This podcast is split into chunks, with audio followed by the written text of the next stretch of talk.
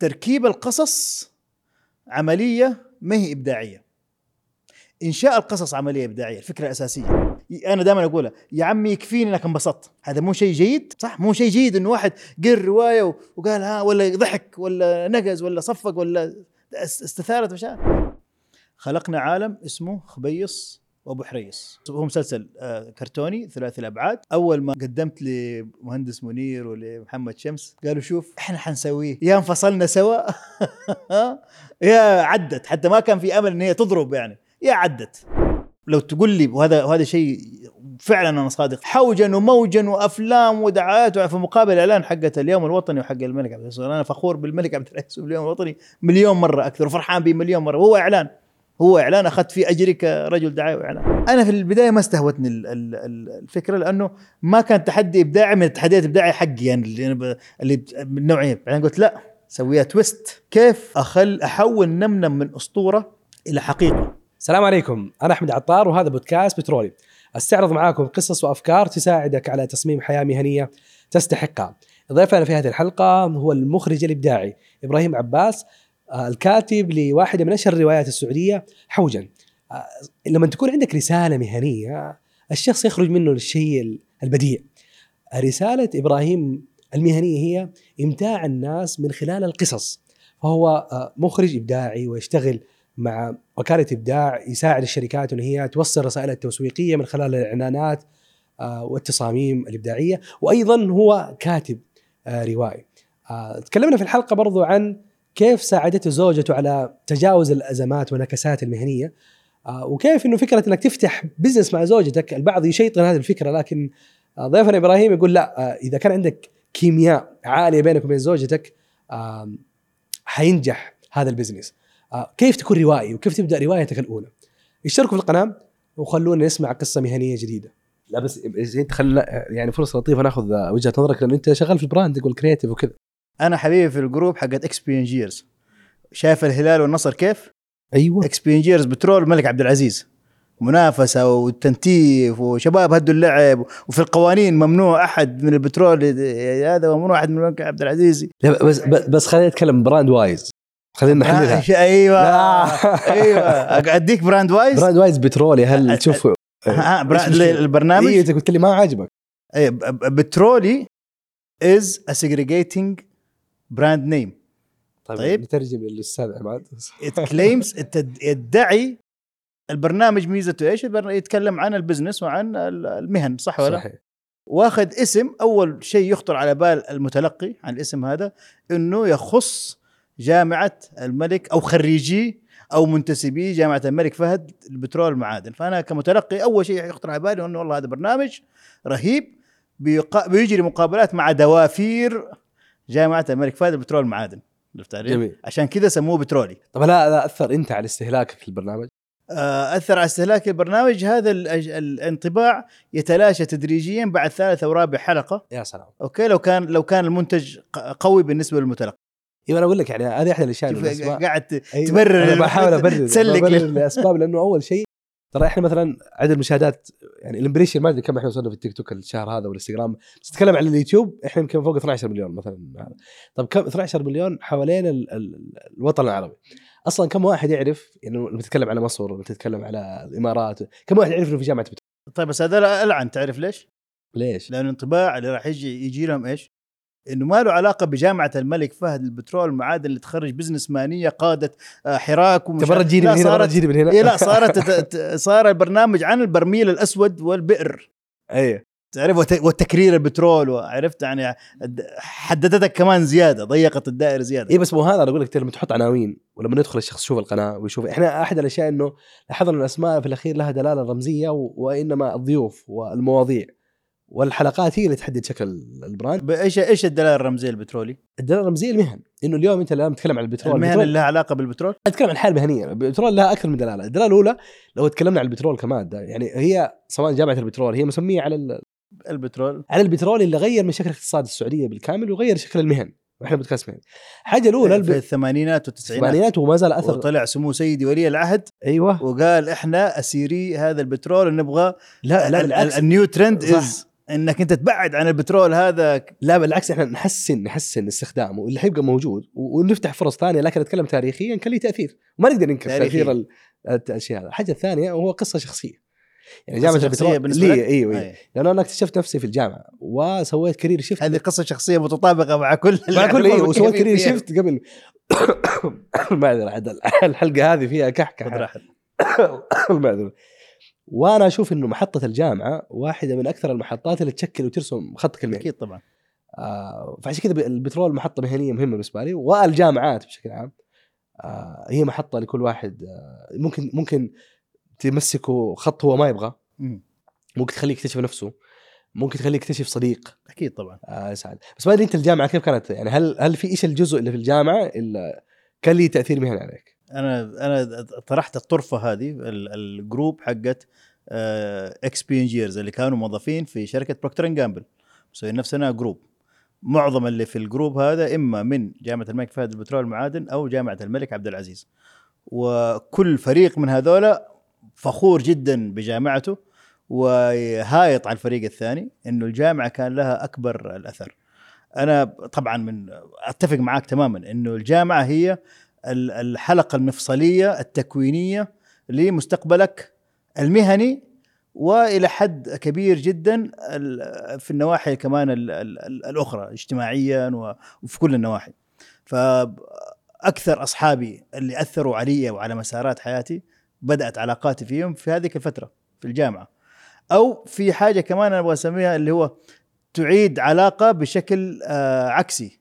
إنه والله كان زميلي في الجامعة بشوفه في محاضرة محاضرتين بعدين أوب التقينا في المهنة. صار شريكي ياسر بهجت. ياس- ياسر بهجت أنا ما درست معاه كورسات. آه، ولكن آه، بعد ما تخرجني وأنا كنت اشوفك كنت كنت تشوفني وصرنا شركاء. صار أسهل إنك تاخذ معاه. خطوة مهنية أو شراكه وفي ط- وفي النقيض الثاني لا علي شنيمر أنا شغ... دارس معاه من أول لحظة إلى آخر لحظة وزميلي في مشروع التخرج وأخذنا الاي مع بعض واحتفلنا فيه مع بعض. فالعلاقات اللي تتكون في الجامعة أعتقد هي العلاقات اللي لها فرصة أكبر إنها تظل. التأثير الجامعي مو هو تأثير أكاديمي بحت لأن لو جيت اختبرتك في مادة من المواد أكيد راح تكون نسيتها.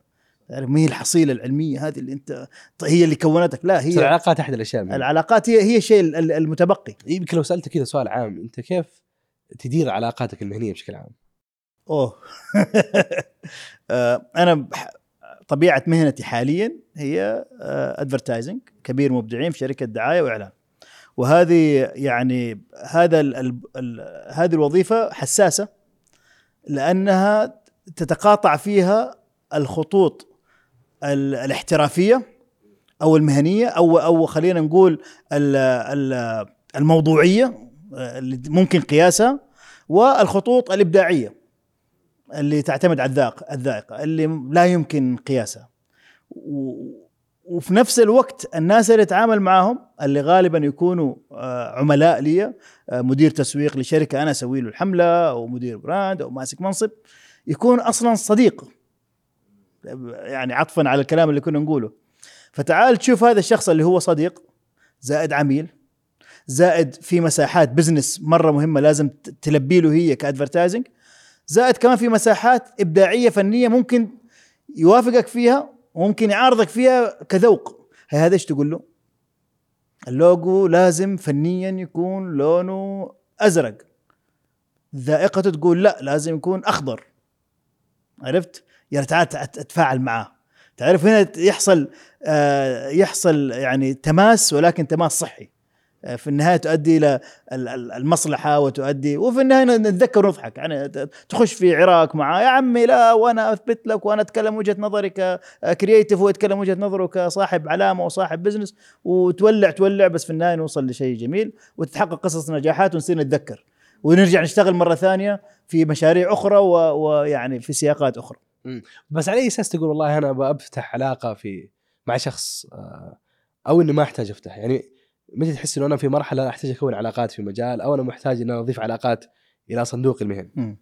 والله أنت سؤالك هذا إيه لا. جدا جدا مهن. عمرها ما كانت مدروسة أنا من من ناحيتي آه لسبب وحيد إنه كمية وأنا أرجع لسؤالك الأول اللي هو الجامعة. كمية العلاقات اللي حصلت في ال- الحلقة المفصلية الأولى جامعة الملك عبد العزيز والحلقة المفصلية الثانية اللي هي شركة بروكتر جامبل هذه العلاقات كانت علاقات خلينا نقول آه، آه، آه، اورجانيك يعني جت طبيعية. طبيعتها عرفت؟ تكونت بسبب زمالة. إلى الآن هذه العلاقات هي اللي تدور وترجع بصياغات أخرى. يكون واحد أنا كنت زميله في الجامعة واشتغلت معاه أربع خمسة مرات في شركات مختلفة وفي مشاريع آه، مختلفة. يضاف إليها تشعبات هذه العلاقات. يكون هو عنده صاحب ثاني مدير شركة ثانية. فأنا دحين انت بتسألني أنا بح- بحاول أفكر. ما أقدر أفكر في علاقة business ما تعود جذورها إلى هذه البذرتين. تصدق؟ ما تعود جذورها. والله أنت فلان أنا أعرفك عن طريق فلان كان معك في بي ان جي ولا عن طريق فلان كان يعرفك في الجامعة. تصدق؟ ولكن ما أروح أنا أقول أنا مخطط إني أنا ازود علاقاتي في عالم ال business لكي أنا ما ما عمرها حصلت بالطريقة هذه. يعني. بس في في أحس تحدي ما بين لما يكون الشخص يعني قولك يجمع أكثر من دور. يكون دور الصديق ودور ال- الزميل بعض الأحيان ممكن دور المدير. ما أدري كيف تشوف ال conflict في تعدد الأدوار مع نفس الشخص. انه والله أنا معاه في نفس العمل وبعدين لما نخرج من الدوام إحنا في ده وتختلف معاه؟ تختلف معاه. ويعني دم للركب. إي وبعد كذا وبعدين. وممكن يطغى دور على دور أو دور على دور. ما أدري هذه كيف آه، أقول لك حاجة لطيفة طريفة جدا. آه، أنا في لما أطلقت حوجن عملت screening خاص آه، سميته corporate screening عزمت فيه زملاء الحلقتين. زملاء بروكتر جامبل أو الثلاث حلقات خلينا نقول بروكتر جامبل والجامعة وال clients اللي في منهم كثير تقاطع. في كثير منهم جو لا مرتدي ثلاث القبعات. هو زميلي في الجامعة وزميلي في بروكتر جامبل وكمان client كثير يعني إذا ما كانوا غالبية. وكنت دائما أسلم عليهم وأضحك. أقول أيوه أخيرا أشوفك من غير ما تقرفني ب brief. وأخيرا ما حاخذ من لا تجي تديني comments على الفيلم حقي. ها ها ها. عرفت عليّ؟ فهي العلاقات الحياتية مستمرة بالتوازي مع علاقات ال business اللي مهما صار فيها tension إحنا في النهاية أحباب. بس بالعكس من يعني من أسرار نجاح العلاقة في ال business هي إنه إحنا عندنا هذه المساحة. صاحبك حبيبك لكن في ال business business. هو عارف إنه راح يشتغل له يعني بكل إخلاص وبكل حماس وبكل شغف عشان نجاح العمل. أنا عارف إنه ما حيديني ملاحظات إلا هي من فعلا من قلبه وشغف وحرصا على مشروعه أو أو منصبه. فترة بروكتر جامبل إيش طلعت منها؟ أو كيف توصفها؟ والله أنا أنا أعتقد إن أنا محظوظ جدا إن أنا دخلت بروكتر جامبل. بسبب العلاقات بشكل كبير وبسبب إنه بروكتر جامبل هي مدرسة كثير تقدر تشرحها في أقل من 10 ثواني طيب إيش هي الشركة بروكتر إيه. جامبل؟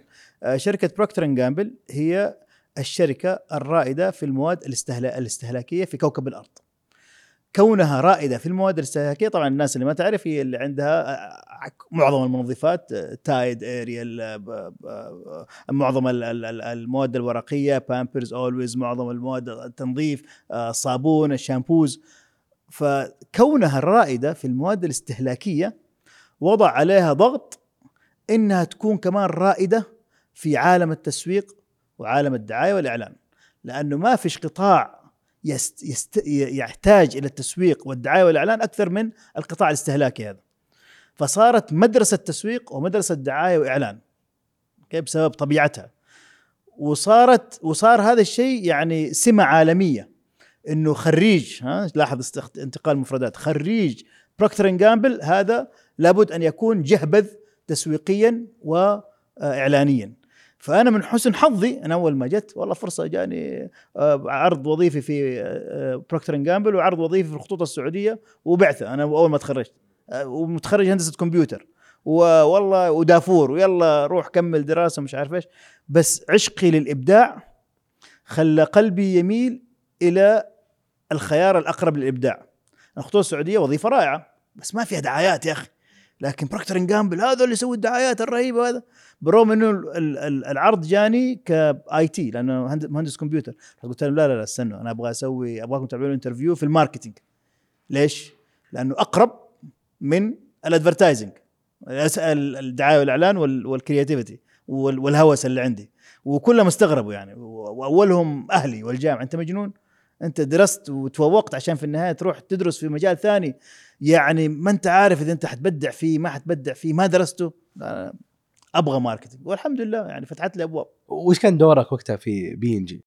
بي ان جي أول ما اشتغلت اشتغلت في ال brand assistant brand manager طبعا assistant brand manager للتوضيح هي المهنة التي تهتم بتطوير المنتج من كل النواحي من ناحية صناعة المنتج وابتكاره والله أنا أبغى مسك- كنت ماسك Camay و Zest وبعدين Olay body wash. والله تعال مثلا الصابون هذا أبغى أطوره أبغى أكبر حجمه أبغى أسوي صابون بريحة جديدة أبغى أسوي لازم أي شيء يروج هذا الصابون أو المنتج ويهتم به ونسوي له عروض في السوبر ماركت. أتكلم مع السوبر ماركت. أرجوكم بالله أدوني عرض في في الرفوف بشكل أكثر. أشتري خمسة وأحصل على السادس مجانا. نشوف باع في هذه المدينة ما باع في هذه المدينة كيف نزود المبيعات في المدن الفلانية. وكنت مسؤول على الجزيرة العربية اللي هي المملكة ودول الخليج وما جاورها فهذه الاهتمامات كلها متشعبة ومعقدة ومملة.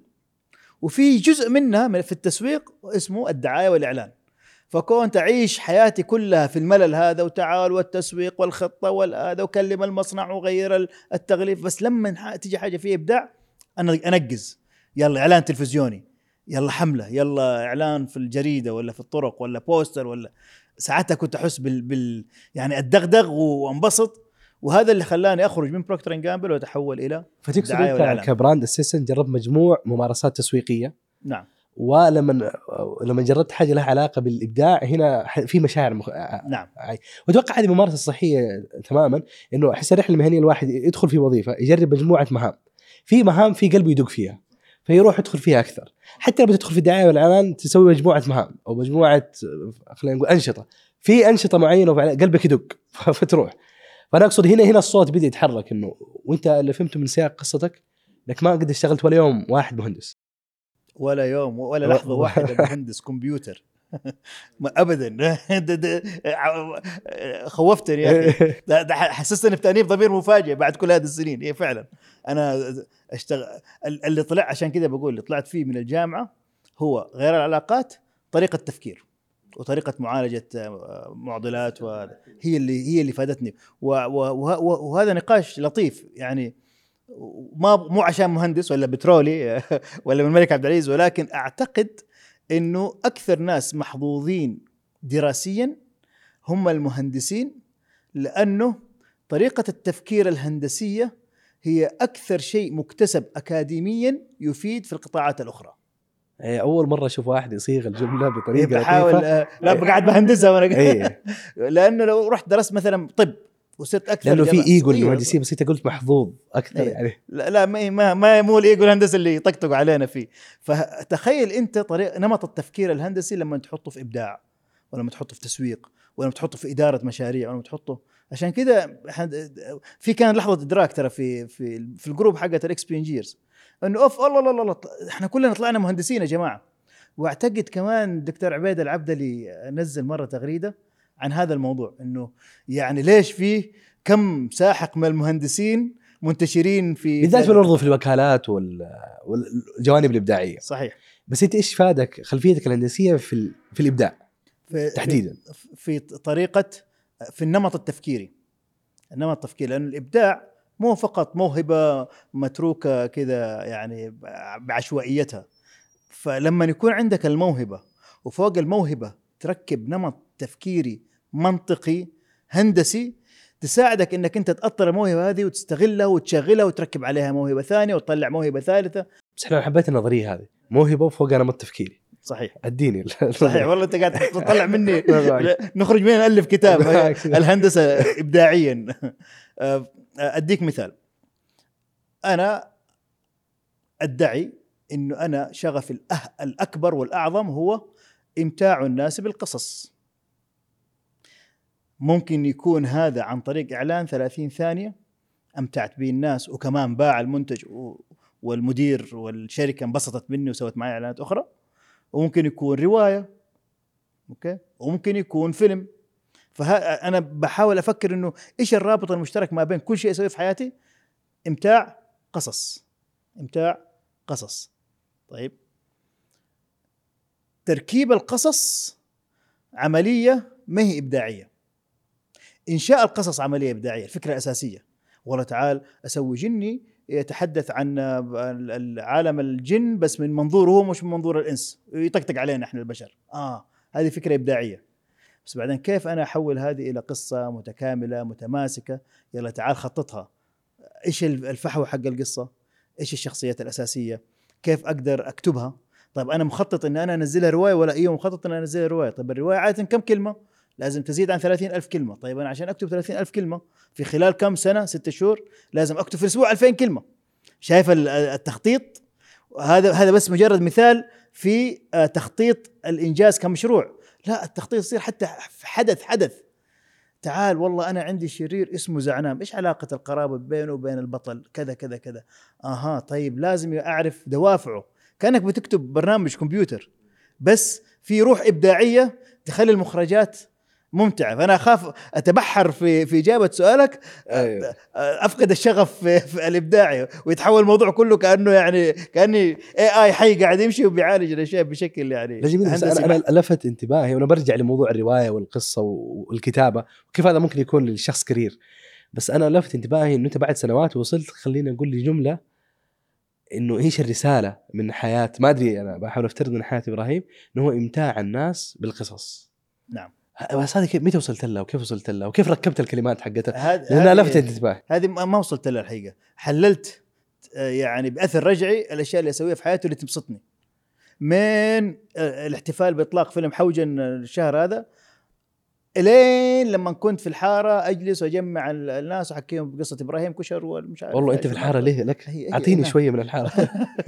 آه، أنا أعشق الجمعات والناس تكون مبسوطة. طيب؟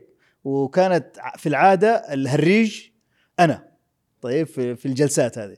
ف وطبعا آه، تحولت هذه إلى إنه أنا أكتب وأكتب أشياء بسيطة. آه، بدأت كمنتديات في سنة آه، أو تصدق أيام نسيج يعني نسيج كانت سنة 97 96 نسيج ما أدري. سمعت عنها. هذه كانت مه إنترنت إنترنت زي البلوج زي المنتدى.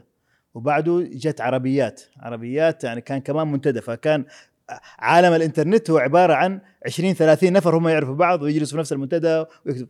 فكنت برضو أجتمع بهم وأكتب مقالاتي وأكتب مش عارف إيش ويردوا علي وما يردوا علي. ففي كل لحظة من لح... في كل محطه من محطات حياتي كان الشيء الإمتاع ال- ال- الإمتاع الأكبر بالنسبة لي هو إنه كتبت عمل أو كتبت قصة ونزلتها والناس انبسطت بيها. فهمت علي؟ آه، عمرها ما كانت مخططة إنها تتحول لبزنس ولا يصير يتخيلون تجلس مع ياسر. آه، هذه ما كانت في الحسبان ابدا هذه كانت كلها يعني فكرة رجعية بأثر رجعي يعني مم. بس فكرة الواحد يفكر آه، بالطريقة الرجعية هذه إنه يبدأ يحلل ممارساته من أيام وأنت الآن بديت تشوف خط ناظم ما بين جلستك أنت في الحارة مع وأنت صغير وما بين عملك في Procter and Gamble وما بين عملك كبير مبدعين وما بين كتاباتك وما بين حبك وصغت هذه العبارة بس العملية هذه آه، جميلة. يعني فكرة الواحد إنه يفكر في التجارب الماضية يحاول ياخذ ال- الأشياء المشتركة ويصيغ عبارة. ممكن اكون أنا قاعد ب- والله- بوهرتك واتفلسف يعني. هي ركبت في النهاية معاي. وممكن ما, ما تركب ما أعرف. يعني ما ما أدعي إنه كل شخص على وجه الأرض عنده خط من الشغف بدأ منذ آه، نعومة أظافره إلى ممكن وممكن لا. وممكن يكون خط الشغف غير بارز وغير مرئي عرفت؟ بس أنت لما تفكر فيه تقول إيه والله فعلا كنت مبسوط هنا نفس السبب اللي كنت فيه مبسوط هنا نفس السبب اللي خلاني أسعد هنا ونفس السبب اللي خلاني أبدع هنا عرفت؟ بس رسالة امتاع ما تحس إن الرسالة شوية ما هي جادة شوية إن الواحد تكون رسالته المهنية امتاع الناس؟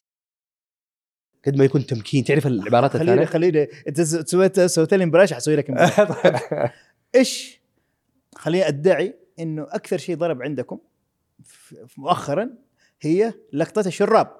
آه، صح. والفراشه صح. صح, ولا؟ وأنا أخذتها بشكل شخصي ترى أنا كمان عندي عندي هذه يعني متلازمة الشراريب الرهيبة بس أو المسوغه آه ليش ضربت؟ لأن فيها قيمة إمتاعية عالية. القيمة الإمتاعية العالية الجاذبة تقدر تركب عليها أي شيء آخر. إذا أنت عندك مغناطيس إمتاعي. دس في رسالتك. يمكن كلمة دس هذه ما تكون لطيفة. صغ من خلاله رسالتك أو قيمتك أو عملك أو هذا. هل هذا في مصلحة الرسالة والقيمة ولا مين في مصلحتها؟ لمصلحة. هل في مغناطيس أكثر جذبا من الإمتاع؟ ما أعرف.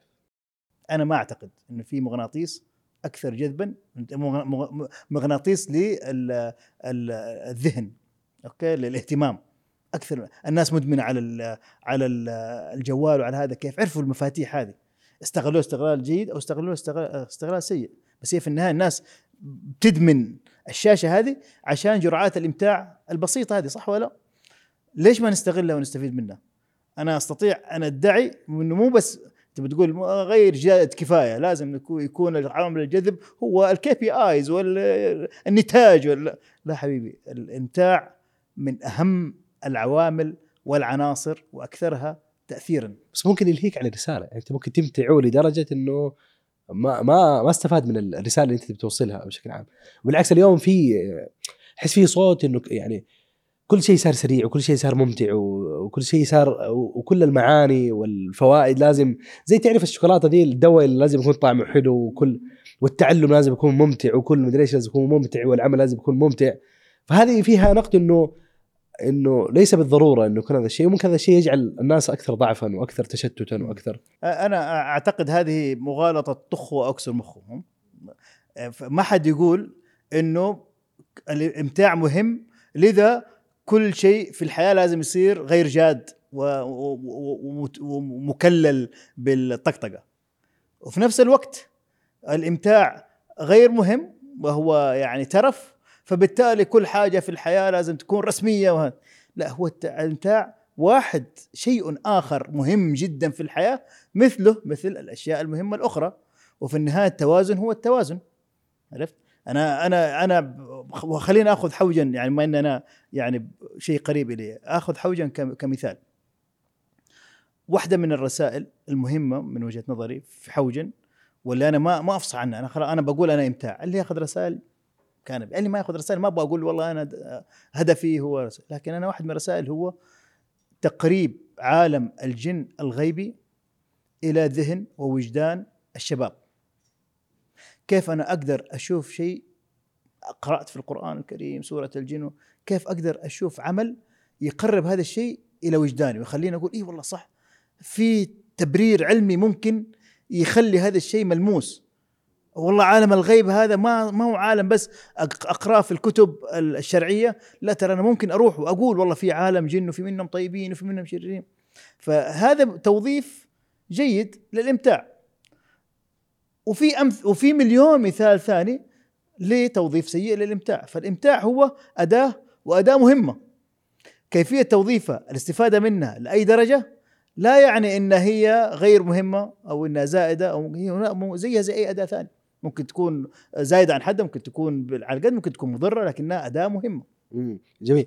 أنا بدي اسال سؤال شوية فلسفي بس أنا بحاول أفهم العبارة. تغلغلنا في الفلسفة إيه، بس ما. عندي مشكلة. بس تقول جمهورك بتروليين إمتاع. عادي، هم كيف يو بي إم أكيد. يعني لا. لا بس بتقول إمتاع. إيش هو الشيء الممتع؟ يعني متى اعرف إنه هذا العمل ممتع؟ أو غير ممتع؟ آه الامتاع أول شيء شيء شخصي طيب subjective غير موضوعي okay يختلف من شخص إلى آخر. ولكن في له آه، معايير جماعية. تلاحظ إنه الشيء صار ممتع لشريحة كبيرة آه شريحة كبيرة من الناس. أنا عندي معيار واحد هو آه، آه، مقدار الإمتاع لشخصي. الشيء اللي يمتعني هو اللي أنجرف فيه بكل شغف.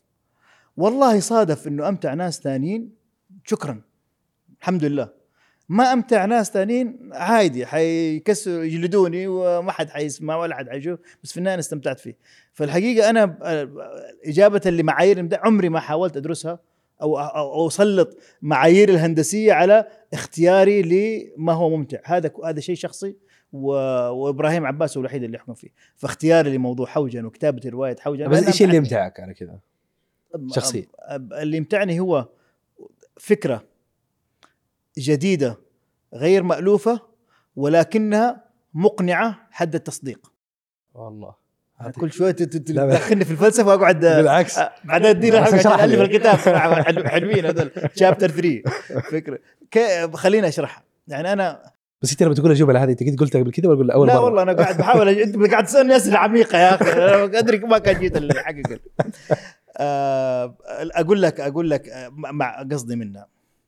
الشعرة اللي أرقص عليها وأستمتع بالرقص عليها هي الشعرة الخيالية جدا جدا الواقعية جدا جدا جدا جدا. حد إنه أقول هل ممكن حوجن يكون فيه؟ والله صراحة المبررات والتركيبة العلمية خليني أقول والله why not ممكن. نفس السؤال أسأله هل Lord of the Rings ممكن يكون؟ آه شطح في في في الخيال عرفت؟ آه، فقدني. فهذا هذا التباين ما بين الواقعية والخيال مساحة التباين هذا المطلق ال- ال- ال- الهائلة مع تماسكهم هي الشيء اللي أنا أعيش فيه حياتي الإمتاعية وهذا اللي يخليني وهذا أنا دحين بفكر كمان بأثر رجعي. أكثر الأعمال اللي أنا عشقتها هي الأعمال اللي فيها هذه اللي فيها ذي The Matrix خيال فيلم The Matrix خيال مجنون بس قابل للتصديق بشكل قوي عشان كذا استمتعت. مثلا عدنان ودينا مسلسل كرتوني. خيال قابل للمستقبل لكنه جراوندد يعني مؤصل ومؤطر بشكل علمي رصين بل الآن صاروا يجيبوا أشياء من عدنان يقول شوفوا طلع في السبعينات والآن تحققت الأشياء عرفت ما أكثر الأعمال اللي عشان كذا أنا أعتبر نفسي عاشق للخيال العلمي لأنه الخيال العلمي هو اللي يجمع بين الاثنين الخيال والتأصيل العلمي عرفت علي هذا هذا الشيء اللي يمتعني.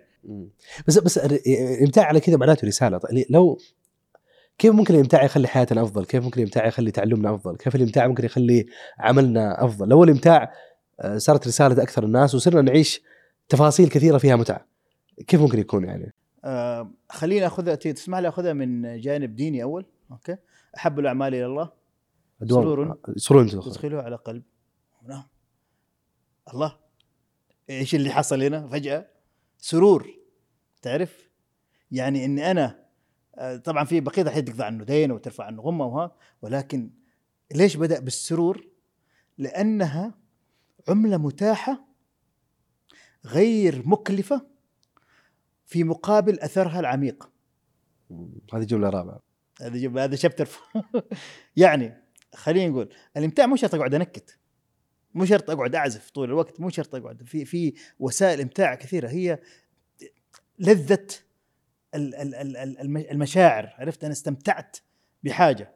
طيب.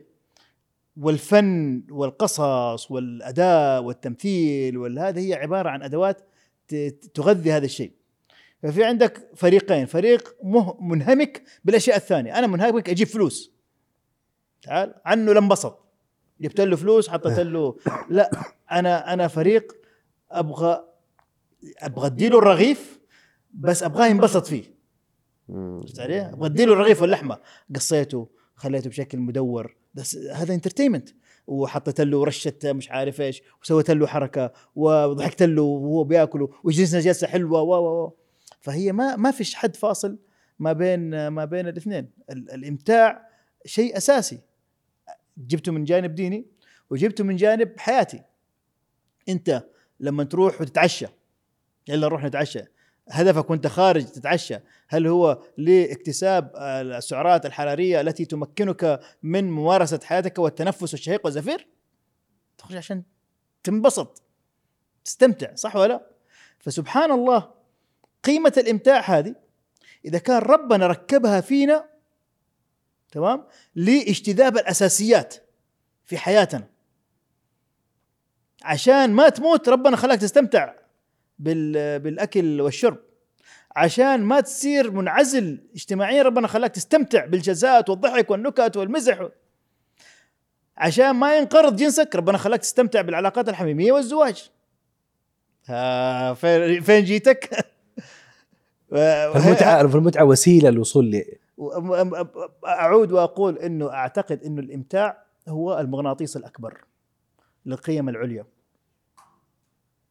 وما أعتقد انه وأعتقد إنه من الهدر إنه ال- ما يستغل الإمتاع لقيم عليا. أنا كمان بحاول ان فلسفه زيادة.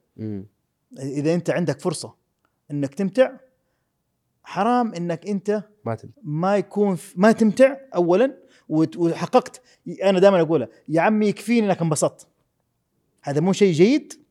صح مو شيء جيد إنه واحد قر رواية وقال ها ولا ضحك ولا نقز ولا صفق ولا اس- استثارت مشاعر وحط فوقها كمان رسائل رسائل عن الغيبيات رسائل في التعامل مع الآخر في التعامل مع الغريب في العلاقة بين ال ال ال الولد وأمه في العلاقة ال- اللي هو العلاقة بين ال ال الآخر اللي هو ما يقرب لي ولا شيء فلازم أكون متحفظ. في- أشياء كثيرة رسائل جت وركبت على الإمتاع هذا ووصلت للناس. انت اخترت وسيلة الإمتاع من خلال القصص يمكن أنا برجع لموضوع القصص وتفصيلها وش برضو ال- الفلسفات ال- ال- الروائية والكتابية عندك. بس أنا برجع لعنصر الإمتاع في رحلتك ومسارك المهني. أنت قلت جالس لما بديت تسمع كلمة دعاية وإعلان قلبك بيدق.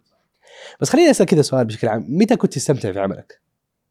أو تشعر بالمتعة في العمل؟ شفت أنت لما قلت قبلك يدق تذكرت آه، إعلان Pert Plus أنتوا اللي سويتوه؟ لما أول مرة أدخل Procter & Gamble وأشوف الإعلانات اللي كنت أشوفها في التلفزيون أستمتع فيها. ومركب عليها طبعا رسائل. آه، أحب brand ولا أشتري منتج ولا عرفت عليه فهذه كانت العصافير في قلبي إنه هذه اللي أنا كنت أشوفها وأنبسط فيها في آه، في التلفزيون وأنا صغير. الآن جيت العالم المصنع اللي يطلع هذه هذه الدعايات وال- والإعلانات. آه، محطات اخ طبعا إنك تكون في في في في الكيان اللي ينتج هذه الأشياء اللي أمتعتك بدايه. زي شعور لما تقابل ممثل لأول مرة وجه لوجه. والله الممثل فلان اللي انبسطت لما شفته. هذا كان شعوري. المحطة الثانية في الإمتاع كانت لما بدا بدأت تطلع أعمال أنا سويتها وصاروا الناس يشوفوها يستمتعوا فيها. تذكر أول عمل كذا. أيوه طبعا. أذكر أول عمل ك creative سيبا Procter & Gamble ما كنت أنا المبدع. فكان تيجي شركات الدعاية والإعلان وهي تسوي ال creative وأنا أقول والله هذا العمل صار تحت إدارتي لكن مو أنا اللي صنعته. أول عمل كان إعلان خرجت من Procter & Gamble رحت اشتغلت في شركة فوكس الدعايه والاعلان فأنا مغناطيس الإبداع بيجذبني بالتدريج يعني. من الجامعة هندسة كمبيوتر لتسويق إلى دعاية وإعلان. فيها جرعة إبداع أكثر. كان لما انتقلت من Procter & Gamble لشركة فوكس الدعايه والإعلان كانت وظيفتي هي account manager account manager اللي هو مدير ما انت المبدع ما انت creative وكان في عندنا creative ثلاثة creatives واحد أسترالي واحد بريطاني واحد آه، فلسطيني. الله يذكرهم بالخير كلهم. بالذات بلا صقر الله يذكره بالخير صاحبي. هو الأول واحد علمني يعني تعلمت معه. ف وقتها كانت تيجي أزمات ما هم فاضيين فيجي brief يمر عليك. والله أنت تحب طقطق وترسم شوي يلا ورينا. فسويت إعلان لرز أبو بنت. آه. okay؟ منتقاه بعناية رزاية رزاية. إعلان مو إعلان تلفزيون إعلان زاده طبعا وح- وصورناه وحطيت حب جبت شوكة وحطيت عليه حبة الرز إنه كنت فرحان فرحان. الإعلان يمكن دحين تشوف الناس ت- ت- ت- تقفل الحلقة دحين. من كثر ما أنا فرحان استناه في الجريدة لما يطلع. هذا كان تصميم بس. هذا تصميم يعني concept وتصميم واشتغلت مع المصور اشتغلت مع الج- الجرافيك وأنا اشتغلت بنفسي أيام ما كنت أشتغل Photoshop بنفسي. هذا الكلام سنة 99 ولا حاجة. مست- استنى الجريدة تنزل. أروح أشتري كل الجرايد اللي نزلت فيها هذا عند الحجم الكبير وهذا والأبيض والأسود الملون واقصقصها وأعمل لها سكان. وما بقيت أحد اللي وريته هذا. تعرف زي كأنه اسمك طلع في الصفحة الأولى. فمتعة آه ظهور أعمالك. هذه كمان نوع آخر من المتع. في متعة مو بس إنه عملك طلع للنور إنه عملك أحدث أثر. في سنة 2000 مثلا صممت شعار آه، الأمن العام. هذه كانت مبادرة مع الفريق آه، أسعد عبد الكريم والعميد عبد الحميد فراش الله يذكره بالخير ارسل له تحية. وأيام العميد أمين عبد الحميد كان كانوا يبغوا يسووا حملة توعية للأمن العام بين المرور وبين الشرطة وبين هذا. وإحنا يعني كشركة فوكس وإبراهيم كملقوف كبير قال لهم إيش رأيكم نروح نعمل آه، نعيد آه، تصميم هوية الأمن العام. الجرأة ك- كمبادرة مننا. طبعا في الشركة عندنا في الشركة عندنا okay متحمس يلا خلي يسوي يعني إيش ما حنخسر شيء. نحطها في نهاية التقديم. قدمنا إعلانات والهذا والحملات وحملة المخدرات وحملة المرور وحملة السيارات وحملة السرعة و- و- وبعدين في النهاية مسوي فيها ستيف جوبز. one more thing في كمان والله مبادرة بس حابين نقدمها لكم. تت- تجالس في غرفة كلها رتب ها؟ داير ما يدور. فايش عندك؟ والله آه، عندي تصور لشعار جديد للأمن العام. قاعد أتكلم سنة 99 أول كان الشعار عبارة عن كتاب مفتوح وجوته عين آه، العين الساهرة كانوا يجيبوا عليها برنامج وبعدين سعفتين وبعدين التاج تبسيط للشعار وهذا إنه الوطن يصير في قلب العين. السيفين والنخلة تمثل الوطن تصير في قلب العين الساهرة اللي تحفظ أمنه كأنها شيلد كأنها غطاء. وهذا ونحتفظ بالدرع. آه، الدرع كان يعني من الفريق أسعد كان قال لي لازم تحط كونتينر آه، بصري اللي هو الدرع. والتاج طبعا لازم يكون موجود أول ما قدمناه في واحد من الحضور طلع الآلة الحاسبة قال لي تعرف هذا الشعار الحديدة اللي هنا كم تكلف؟ سوالي فيها بترولي. حسبها بلا. تعرف أنت كم راح يكلف بس عشان نغير الشعار الحديده هذا؟ مجنون أنت. تبغى تغير الشعار وتغير السيارات وتغير مش عارف. يعني محاولة مبادرة وقتلت في مهدية. أخذني بعدها العميد عبد الحميد فراش. قال لي تعال أبغاك. واشتغل معايا إلى ما قدمنا الفريق أسعد الحكيم وتم اعتماد تغيير شعار الأمن العام وهوية الأمن العام وسيارات المرور وسيارات اللي دحين تشوفها من ايامها أنا عندي أول سيارة أنا أنا عندي صورة الأول سيارة مرور بالشعار الجديد سنة 2000 آه، سنة 2000 فالسعادة هناك لها طعم آخر. أنا اليوم لما أمشي في الشارع شوف تخيل من سنة 2000 لك الحين 24 سنة. إلى الآن كل ما أشوف شعار أمن عام في أي حاجة إن شاء الله دورية وقفتني عشان تديني مخالفة. تجيني الزغزغة هذه. زغزغة هذه كلمة إيه. ثانية. نعم. اول قلبك دق ودحين زغزغ. إيه، متعة. في لذة. في إنه هذا شيء خرج هذا الشيء كان في يوم من الأيام بين إبراهيم وإبراهيم وكمبيوتر. ما حد كان يعرفه عرفت؟ أنا نفس الزغزغة اللي تجيني في كل شيء ثاني. أشوف فرع بون كافيه انبسط أشوف شعار الاتحاد اللي أبو نمر انبسط أشوف أي حاجة صارت أشوف حوجن أشوف, أشوف أي حاجة. كان لك قصة بشعار الاتحاد؟ اي أعطيني القصة. أوف. آه أنا اتحادي. أنا اتحادي طيب آه بالله؟ انت اتحادي؟ فراس اتحادي آه والله. يا. اتحادي هنا؟ طيب كويس. بالاسانسير آه أنا ولدت في السبيل. في حلقة الخضار. مو حلقة الخضار السبيل جنبها حلقة خضار حلقة الخضار جنب السبيل تحولت لاحقا لسوق الاتحاد. فكانت الج... نقطة التجمع حقت لعيبة الاتحاد هناك في السبيل. طيب وكان في أيام لاعب اسمه إبراهيم سبيكة. أنا كنت أجلس مع أخواني أنا أصغر أخواني. يعني أشوف اللعيبه وأشوف هذا وكانوا ينادوني يدلعوني إبراهيم سبيكة. عليه؟ فأنا اتحاد بسبب مسقط رأسي. أيوه. فدخلت عالم الإبداع وعالم الدعاية والإعلان وتعرفت على هذا وطبعا من أيام وأنا داخل في بوتقة الاتحادية دحين كلهم بزنس مانيه ولؤي قزاز صاحب شركة فوكس شريك مؤسس اسمه حسن الفضل كلهم اثنين اتحادية ولؤي قزاز كان في اداره الاتحاد لفترة طويلة فكنت أنا يعني لي علاقة باداره الاتحاد. في سنة 2008 كلمني أخوي وحبيبي أحمد محتسب كان ايامها ماسك صلة الرياضيه وكان عندهم يعني مشروع تجديد هويات الفرق.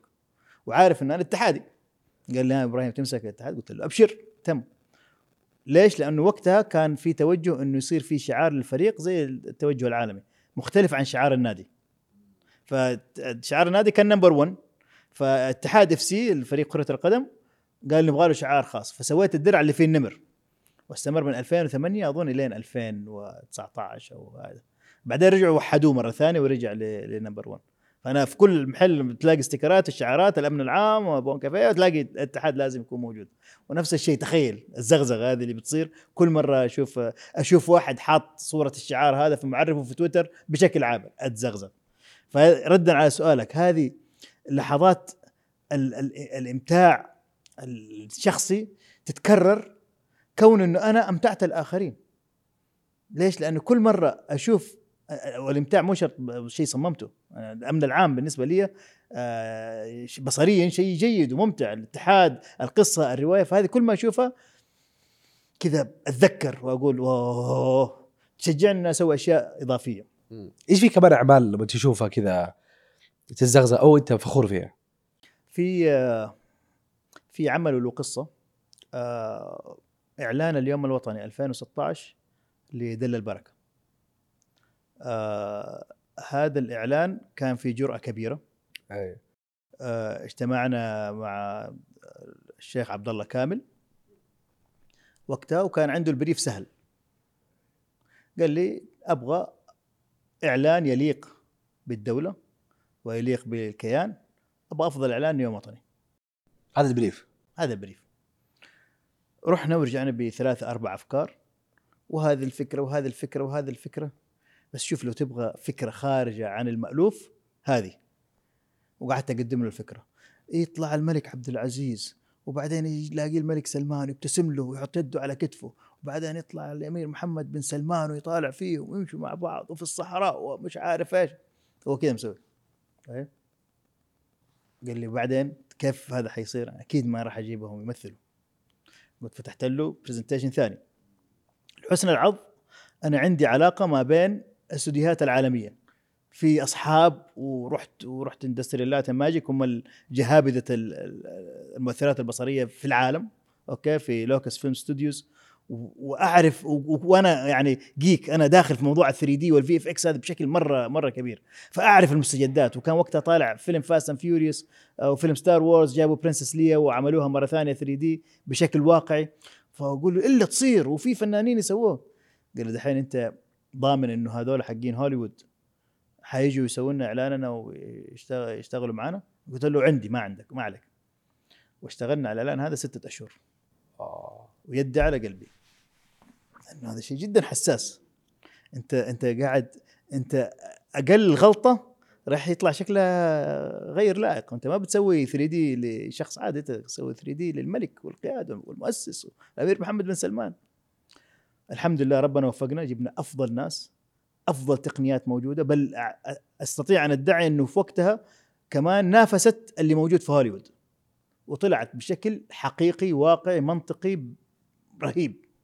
وأنا حاط يدي على قلبي. قال لي أنا راح أرسلها لسمو سيدي ليلة إطلاق الحملة حقت ال- اليوم الوطني. آه إن شاء الله لو يعني آه، قال توكلوا على الله وإن شاء الله ننزلها. تخيل أنا إلى لحظة الصفر. أنا ما شغال إعلان ست شهور ما أعرف الإعلان حينزل ولا ما حينزل. و... وارسل لي thumbs up يوم الصباح فسعادتي كانت لا توصف لأنه عمل جبار. وإلى الآن العمل يعني يعاد نشره بشكل بشكل كبير. فهذه واحدة من ال- ال- التحديات slash المغامرات الإبداعية اللي تصير. وهنا الإبداع يعني لو ما لو ما لقي الإبداع شخص يؤمن به okay؟ لتراجع لصار شيء تقليدي وخجول عرفت علي؟ جميل. أنت قلت أول ما جيت آه، وكالة الدعاية والإعلان كنت اكاونت مانجر يعني شخص إداري. بعدين كيف دخلت على ال- آه، الحاجة أم الاختراع. آه، في شركة فوكس أول ما اشتغلت فيها. آه، كان في إعادة هيكلة في الشركة وكان في creative director بريطاني و creative director نيوزيلندي. ال- ال- النيوزيلندي مشي والبريطاني جت له ظروف وكان في وقت فترة ما في أحد يشيل الحمل ال- الإبداعي غيري أنا أنا الأقرب. فيلا إبراهيم جرب. يلا إبراهيم تعال. جت في هذيك الفترة آه، مناقصة للخطوط السعودية. سنة الكلام هذا سنة 2000 وأنا يعني سنة 2000 لسه ما صرت 25 سنة. عرفت دوبي اشتغلت Procter Gamble سنتين وقبلها لسه طالب. ولكن الحمد لله عندي موهبة إبداعية. وقدرت يعني بروكتر جامبل ساعدت إنه أنا يعني آه، أبدع في مجال التسويق بشكل متسارع وأقترب من مجال الدعاية والإعلان. فيلا تعال إبراهيم أنت شيل لنا المناقصة هذه الحملة. يمكن نفوز يمكن نكسبها. وكان تحدي كمان رهيب. اشتغلت على المناقصة هذه طبعا مع فريق كبير وك- وكان في زملاء ثانيين بس هذه أول عمل أشتغله مو كمدير وإنما كمبدع مبدع بحت. والحمد لله كسبناها. اشتغلنا مع الخطوط السعودية يعني من 2000 إلى هذه اللحظة أنا آخر مرة صورت مع الخطوط السعودية الأسبوع الماضي. عرفت علي؟ فهذه كانت يعني آه، مرحلة آه، مفصلية. خلاص ما ينفع أستمر مدير. أنت قيمتك. كمبدع أقوى بكثير من قيمتك كمدير. مدير أي واحد ممكن يجي لكن إبداع فيه له في موهبه فمن يومها خلاص تحولت صاروا حايسين فيه. إيش نديله title ما ينفع نديله creative director creative director عمره 25 سنة. ما ما ما تصير ما تركب. فحاسب في فترة شهرين ثلاثة طلعت لي أكثر من أربع كروت يمكن. أول شيء account manager بعدين لا account manager slash creative بعدين associate creative بعدين junior creative حاسب فيها في النهاية قال يا عم أنت creative director وخلاص. ما ما أعتقد إنه أحد يعني أخذ لقب creative director في سن أصغر من كذا يعني. وهي واسطة تعتبر أو حاجة أم الاختراع مو عشان يعني كنت يعني جهبذ وقتها انت ما شاء الله يعني تاريخيا أصغر أو حسب ما تعتقد إنك أصغر حسب ما أعتقد ما ما أعرف. أصغر كاتب أصغر creative director أو مدير يحصل على لقب creative director مش عشان إنه مؤهل يكون creative director عشان يتورطوا فيه عشان تورط فيه يتورطوا فيه ما في في الايجنسي أحد غيره يعني. أسمع منك ماذا يعني أن تكون مديرا ابداعيا؟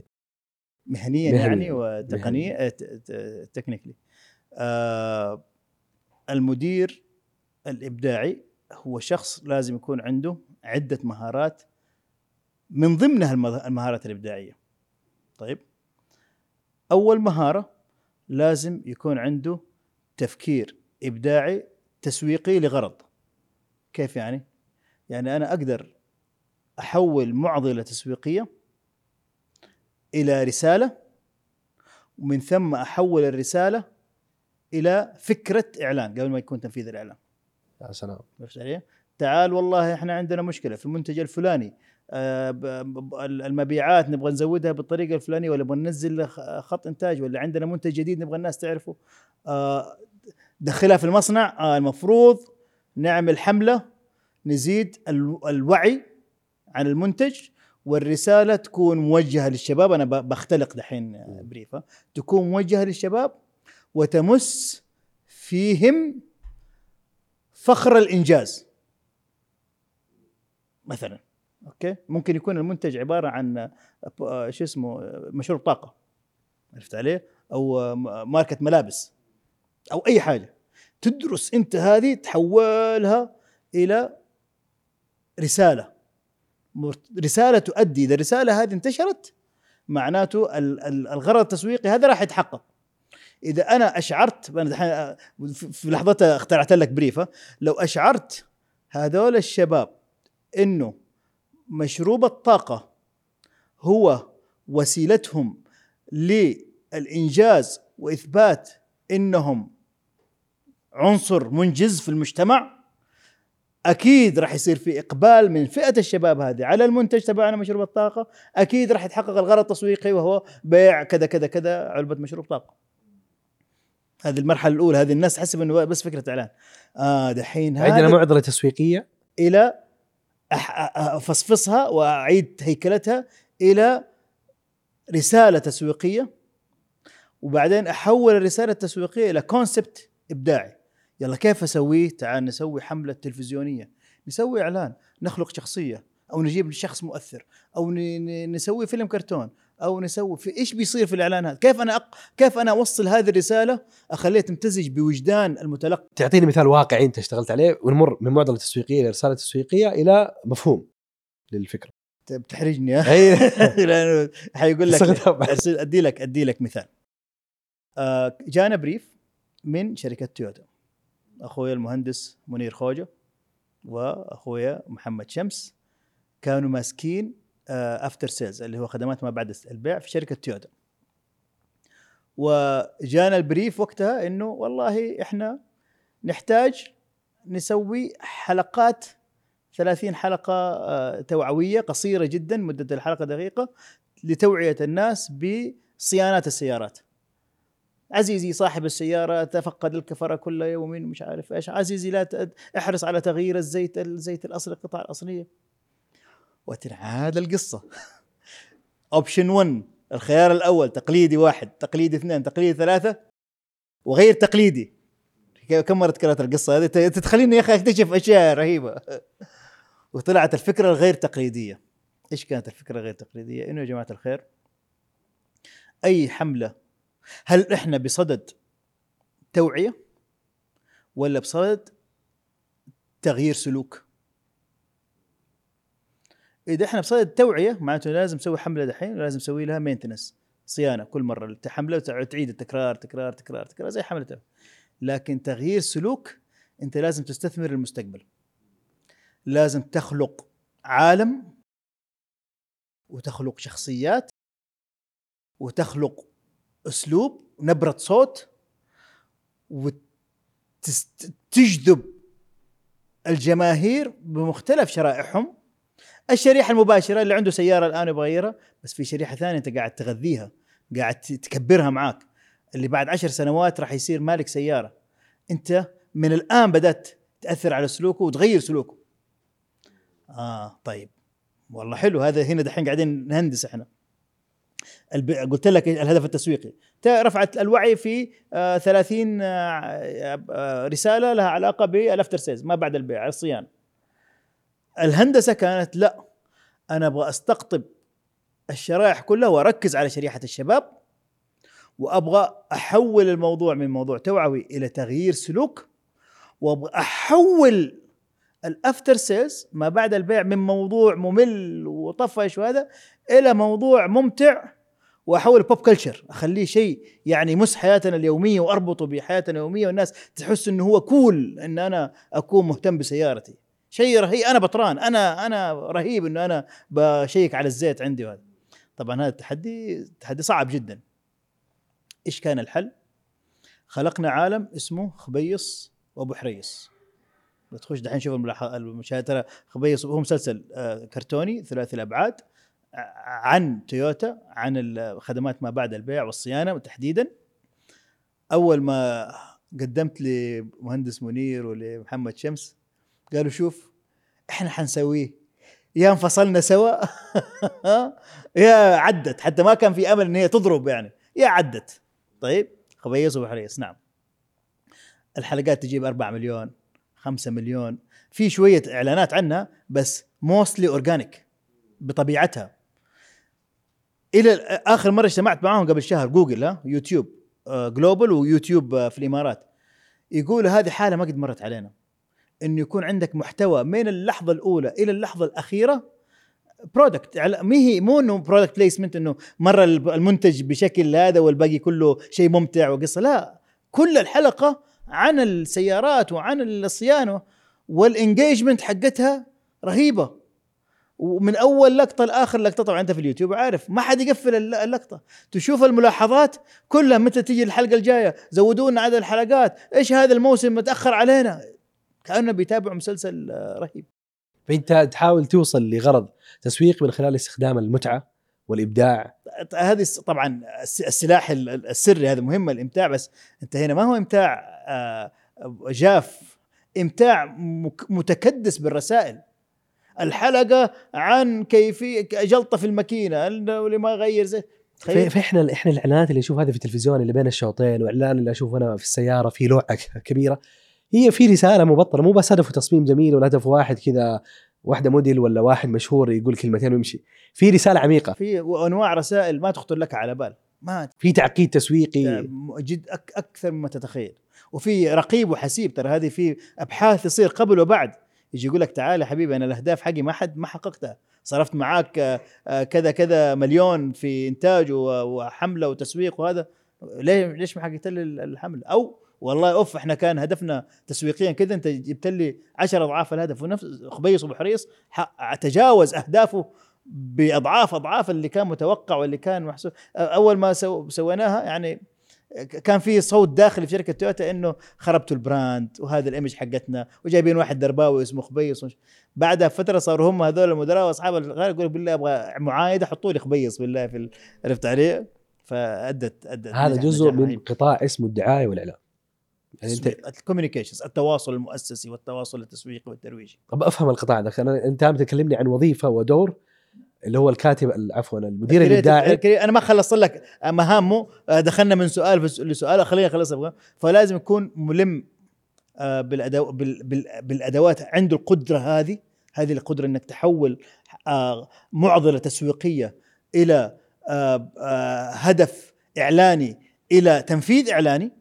أوكي؟ هذا شيء جدا مهم. تكون هذه التركيبه في رأسك.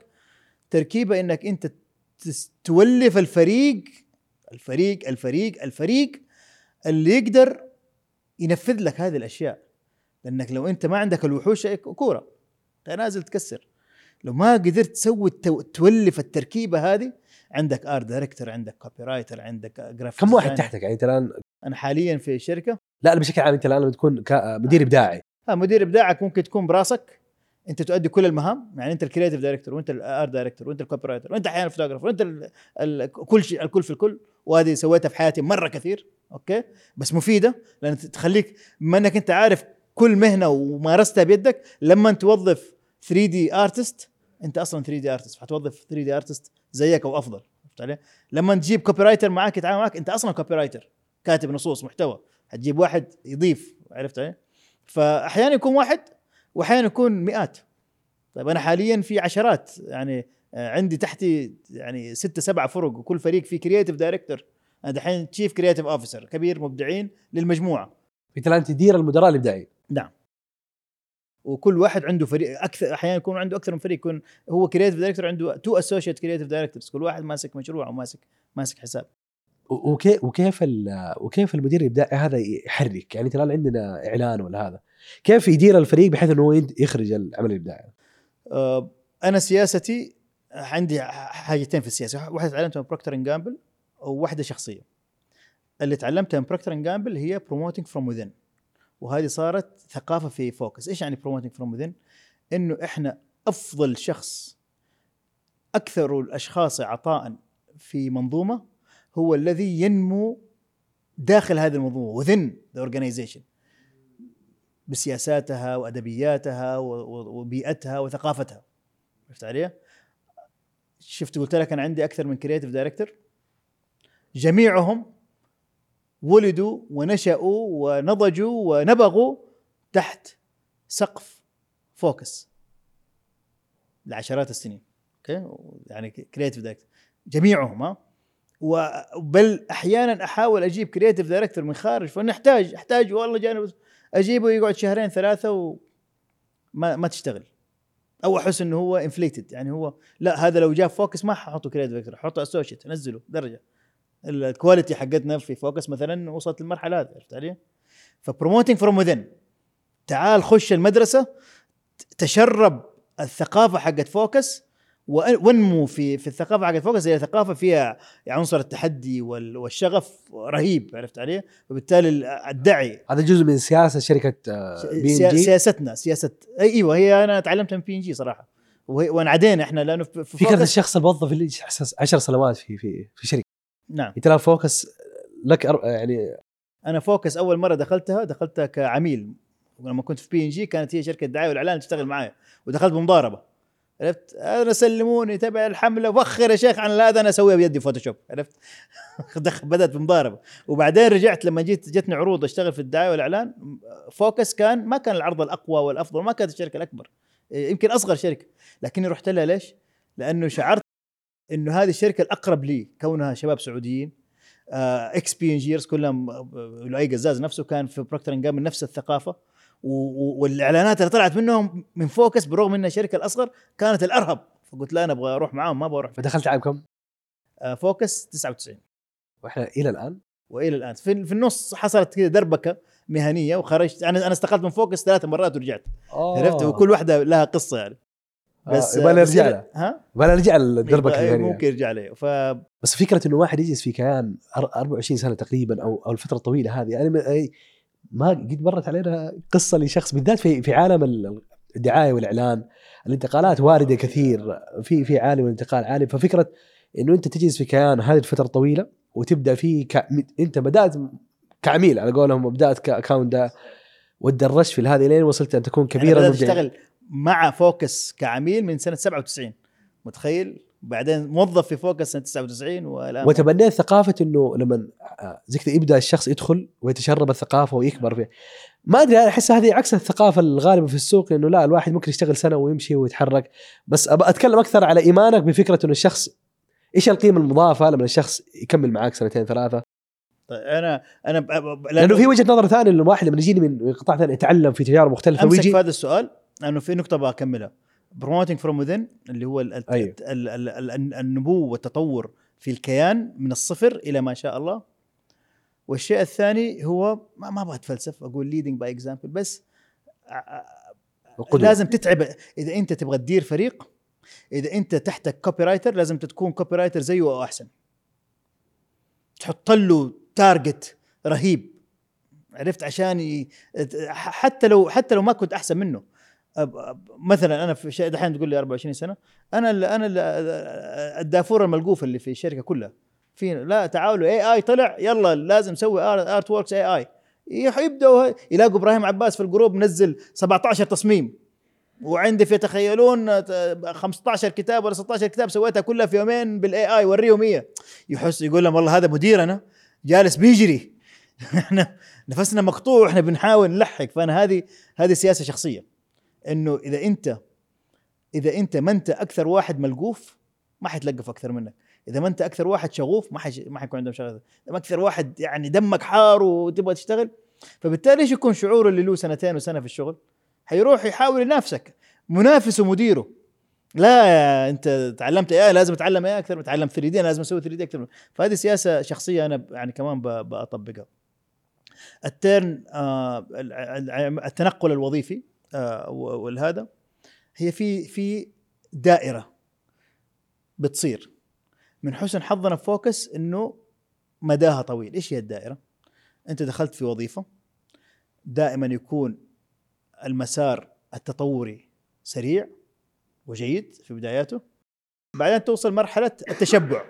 صح ولا لا؟ صحيح. بتسوي نفس الشيء. راتبك صار كبير مره عليهم فلو جاء واحد أحسن منك أقل منك شوية الله يوفقك صح ولا؟ لا؟ هذه الدائرة موجودة في الشركات وفي شركات تكون مدتها سنة في شركات سنتين في شركات ثلاث سنين. أنا فوق كشركة ككيان يهمني إني أوسع الدائرة هذه قدر الإمكان بالذات مع الناس الكويسين إنه ما تكون مدتها سنة ولا سنتين. ليش؟ لأنك أنت استثمرت فيه. دخلته في كيانك. علمته. جلست ناحل قلبك فيه. حمسته. دائرة الترقي. الت- دائرة إما الت- الترقي أو الانتقال لكيان ثاني. أيوه أنا ترى بنقيس الموضوع على ارامكو الدائره واسعة وطويلة 50 سنة عمره مثلا. وفي مساحة. إنها تستوعب واحد راتبه 7000 وواحد راتبه 100 100000 ممت- ممتاز. هذه الدائرة. هذا مثال جيد. بس أنت أرامكو يدخل فيها في في في ال- ال- ال- ال- ال- خلينا نقول الطبقه ال- ال- ال- طبقة البداية أو الطبقه الابتدائية يخش ألف موظف. الطبقة العليا عندك 20 موظف. مستحيل الألف هذول يوصلوا 20 فجزء منهم حيكون كويس جزء منهم راح يكون راح كيان ثاني جزء عرفت علي؟ أنا بدو أحاول أوسع الدائرة قدر الإمكان للمميزين. عشان كذا أنا عندي فخور بهم ال creative directors عارف وعارف إنه بيجي له عروض أفضل وعارف إنه هذا لكن يقول لك أنا راح أروح لكيان ثاني مو أنا حخرج من يعني منطقة الراحة حقي وأروح شركة جديدة لا لا لا. بالعكس أنا اللي يخرج من عندنا يروح بكل قوة وعارف إنه راح يبدع في المكان اللي هو فيه. لكن يقول لك هل مسيرتي التطورية حتستمر؟ أنا يهمني ما في أحد عندي يوصل لحالة تشبع في التطور. ما حد يوصل للتشبع في التطور. حس إنه جالس يكرر نفسه لمدة سنتين. ما حد يش... ما حد أي في التطور تطورك يتوقف عن شغفك. وإذا توقف عن شغفك أنت أنا حفرح قبلك لما يجيك وظيفة ثانية. والله أنا تلاقيني جالس معاه واقول له ما شاء الله جت لك وظيفة ثانية الله يوفقك والله هذه بيتك متى متى ما ترجع بيني وبين نفسي. أقول الحمد لله لأنه خلاص بلغ حده يعني معي فهذه آلية فلترة طبيعية. بس كيف تقدر تضمن له تط... يعني أنت خلاص يعني ما عندك مساحة ليه إذا أنا نفسي قا... إلى الآن حاسس إنه ماني ملحق على الأشياء المفروض أتعلمها. تصنع له تحديات تصنع له ما في ما فيش حد. لأي وظيفة أحس أصلا الكيانات الصغيرة ال agency وال startup جزء من طبيعتها إنه في سقف هذا هذا كلام آه، فاضي مع الاحترام الشديد ليش؟ ليش في س... يعني مثلا آه، كإيجنسي إحنا قبل 20 سنة إيش كنا نسوي؟ إعلان تلفزيون 30 ثانية وإعلان طرق آه، في green panel ولا مش عارف إيش ولا إعلان bridge ولا unipole وإعلان جريدة صح؟ صح متى آخر مرة سوينا إعلان جريدة؟ ما أذكر متى آخر مرة سوينا unipole؟ يمكن قبل سنة ولا سنتين إيش إيش صار فينا؟ قاعدين نتغير صارت content صارت صار في استراتيجيات كل ال industry كلها تغيرت فلو إحنا طبيعتنا ما هي طبيعة مرنة كان قفلنا وشركات كثيرة قفلت لأنها افتقدت إلى هذه المرونة عرفت علي؟ وهذا ينطبق على الموظف. اي بس نتكلم عن 20 سنة نتكلم على قطاع أو كايجنسي بس أتكلم أنا كشخص أنا عندي عجلة شوية إن أنا آخذ ترقيات وظيفية في فترة أقصر بكثير في ثلاث سنوات أربع سنوات. أديك أديك قصة صديق. برضه آه، زميل إكس بي انجير هو بترول مع بترولي. إيه. بس إكس بي انجير و... و... وزميل في فوكس. واحد اسمه عبد الله الحسن. أبو يزن. طبعا بترول أكيد فظيع يعني. ما احتاج بالبترول معادن هو إكس بي انجير أشتغل في فوكس سنة زمان يعني سنة 99 ولا 98 خرج منها ك copywriter كاتب نصوص. وانتقل إلى من ال agency side إلى ال client side صار اشتغل في ال corporate في القطاعات المؤسسية واشتغل على عدة اشتغل في عدة شركات. إلى ما تقاعد قدم على تقاعد مبكر. طيب؟ قبل قبل الكورونا ولا في الكورونا احتجت أنا copywriter جهبذ وهذا من الناس اللي أنا يعني أنا كنت أتصل بس أسمع القصائد حقه بس يعني فنان فنان عبد الله الحسن اسمه. يا أبو يزن إيش قاعد أسوي؟ قال لي متقاعد دحين ومروق قاعد بيقول لي يعني الحياة الجميلة هذه. قلت له أقول لك شوف استدرجته. تعال عقد آه شيء بسيط بس آه تمسك لنا حسابين ثلاثة مش عارف إيش. هذا كلام قبل سنتين. ورط جالي الشغف. الآن أبو يزن اللي استدرجته من خانه التقاعد المريحة يتعلم يكتب screenplays نصوص سينمائية. وبنشتغل مع بعض على مشاريع ما لها علاقة بفوكس. فهذا شخص أنت استدرجته من التقاعد عشان يتعلم صنعة جديدة ومهنة جديدة بل وصارت يمكن أكثر شيء يسويه هو الشيء الجديد اللي تعلمه ما له ثلاثة أربع شهور. يذكر الشخص اللي يحس إنه هو تشبع هو هذا حاجز ذهني هو هذا آه، هذا هذا وهذا أعتقد صار عندي حا... نميت حاسة أشم ريحتها. الشخص المتشبع المتنبل معلش على المصطلحات هذا عنده حساسية منه. التركيبة هذه اللي هو حيص حيصدم حيصطدم في سقف يوما ما يعني آه الحمد لله أقدر أستشفه من بدري وما ما أحبذ وجوده معنا. والشخص الآن دائما اللي يفتح فرص دائما يفكر في الجديد دائما يفكر الملقوف الملسوع الملقوف. المتع... الجيعان جيعان دائما جيعان دائما عطشان دائما ملقوف. هذا هو الشخص اللي تبغاه معاك. وتبغاه معاك في كل حاجة. يعني هذا ترى فوكس مي هي ما هم زملاء بس. ترى في ال credits حقت حوجن في شكر لثلاثة أربعة من فوكس. تخيل؟ الأول رواية حوجن طبعتها digital ما كانت يعني هذا طبعت 10 نسخ digital. منها نسخة باسم حسن الفضل ونسخة باسم لؤي قزاز اللي هم ملاك فوكس. فهي خليني أديك من ضمن التحديات لما الشخص يبقى في كيان لفترة طويلة إنه يقول لك موضوع التحدي في الترقية في الراتب. واحد النصائح الأساسية المهنية اللي يمكن سمعناها كثير وحتى في البودكاستات كررناها إنه اليوم لو تبغى قفزة في الراتب حقك يعني أنت راتبك اليوم 10 تبغى تاخذ 20 من الصعب انه أنت تاخذ هذا الراتب في نفس المكان. مستحيل. ممكن نسمع عن قصص كثير لناس أخذوا ضعف الراتب. وبعض الأحيان أكثر من ضعف الراتب بس كلها أو في الغالب في مكان ثاني. فأنت كيف تعالج تحدي إنه واحد راتبه الآن 10 ممكن بعد سنة يصير 11 ممكن بعد ثلاث سنوات يوصل ل 15 أنت تغصبني ارتدي قبعة المدير. المدير وصاحب الكيان والإتش آر. طيب. آه، أول شيء هذا شيء موجود وهي معضلة تواجهها الشركات. أنت استثمرت فيه وجاء يجيك جاء كم كم مرة جاني جوني ناس أحبهم أعشقهم شغفهم عالي تطورهم رهيب ما زال أمامهم المزيد ليتعلموا. يقول لي والله أنا باخذ مثلا 15 جاني جتني 25 والله عرفت؟ وتجي. أنا اولا عندي قاعدة. أنا مستحيل أرضى إنه الشركة تعطي لاحد أقل من ما يستحق. انت حقك كذا تاخذ كذا أو كذا plus مش كذا plus plus plus plus plus لأنه هذا احتراق وظيفي. صحيح؟ فأنت لو كان لو كان قيمتك السوقية أو قيمتك الفعلية مثلا 15 أنا ممكن أديك 16 طيب؟ بس أكيد ما حديك 30 إيش يصير في شركات ثانية؟ والله إحنا محتاجين. أنا محتاج الآن art director وأبغى art director شاطر. art director ما إحنا محصلين art director شاطر بس هذا في شركة فوكس كويس. ما وصل art director هو senior graphic designer لو اغريناه بالراتب نجيبه عشان يشيل لنا وعلى فكرة في سمعة عن فوكس إنه المخرجات حقتها جيدة زي البترول والملك عبد العزيز الملك عبد العزيز والبترول ها؟ ف وبي ان جي فتجيهم المغريات هذه. أنا في هذه اللحظة حقول له حنصحه وبكل صدق أقول له ترى أنت قيم لو رحت بالراتب هذا العبء عليك حيكون أكبر. يعني أنت you are great أنت أعظم art director لكنك ك associate creative director حتكون سيء جدا. فأنت تخرج من عندي ك art director عظيم تروح تقبل بالراتب هذا والمنصب هذا associate creative director حتكون associate creative director سيء. ما حتكون ك... أنا عارف إنك ما حتكون ك... لسه ما وصلت لسه ما نضجت ك associate أنت ولا خير لك. تبغى تروح تنتقل من art director تدمر له فكرة الانتقال عشان يجلس عندك. لا لا ما لا لا, لا بالعكس أنا أقول هذه كاخ ولما يأخذ القرار أنا أكثر واحد أدعمه فيه. ولكن هذه هذه المعضلة اللي تصير. التنقلات هذه القفزات هذه كثير ما يكون فيها inflation انتفاخ وظيفي. تؤدي تسبب ضغط للشخص. فبالتالي إما إنه هو يعبي الفجوة هذه ويتطور بسرعة ويؤدي أو إنه إيش؟ يحرق نفسه فهمت علي؟ خلاص في السوق ما يقدر يرجع أنت ساعتها ما أنت يقدر يرجع. انتقلت ثلاث مرات انتقل ثلاث مرات اديني نعم. قصة الدخول والخروج طيب. هذا ال- المرة الأولى المرة الأولى كانت آه آه بسبب ال ال الانطباع العام إنه لا في ال turnaround ال turnover في الشركات الدعايه والإعلام المفروض يكون عالي صعب تقعد في نفس المكان روح جرب بيئة. فدائما التجريب شيء جديد له لذة.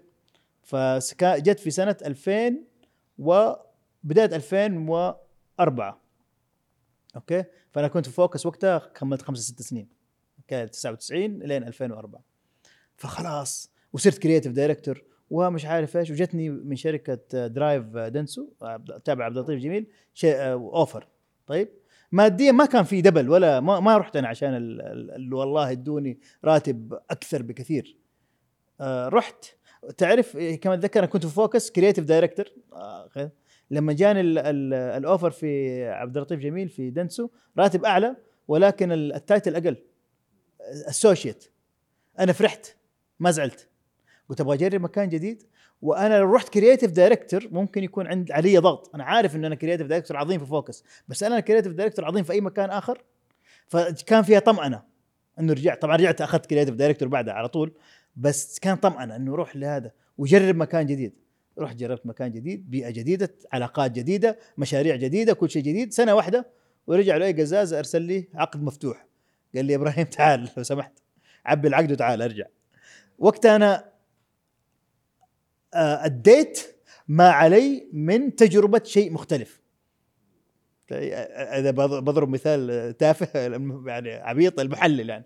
تعال آه، شفت شركة ثانية خلاص عرفت الشركات والسوق والهذا. آه، الآن عرفت صرت أقارن. طيب كلها شركات عظيمة كلها شركات قوية ولكن شركة فوكس كانت بالنسبة لي أفضل فرجعت وأنا مطمئن.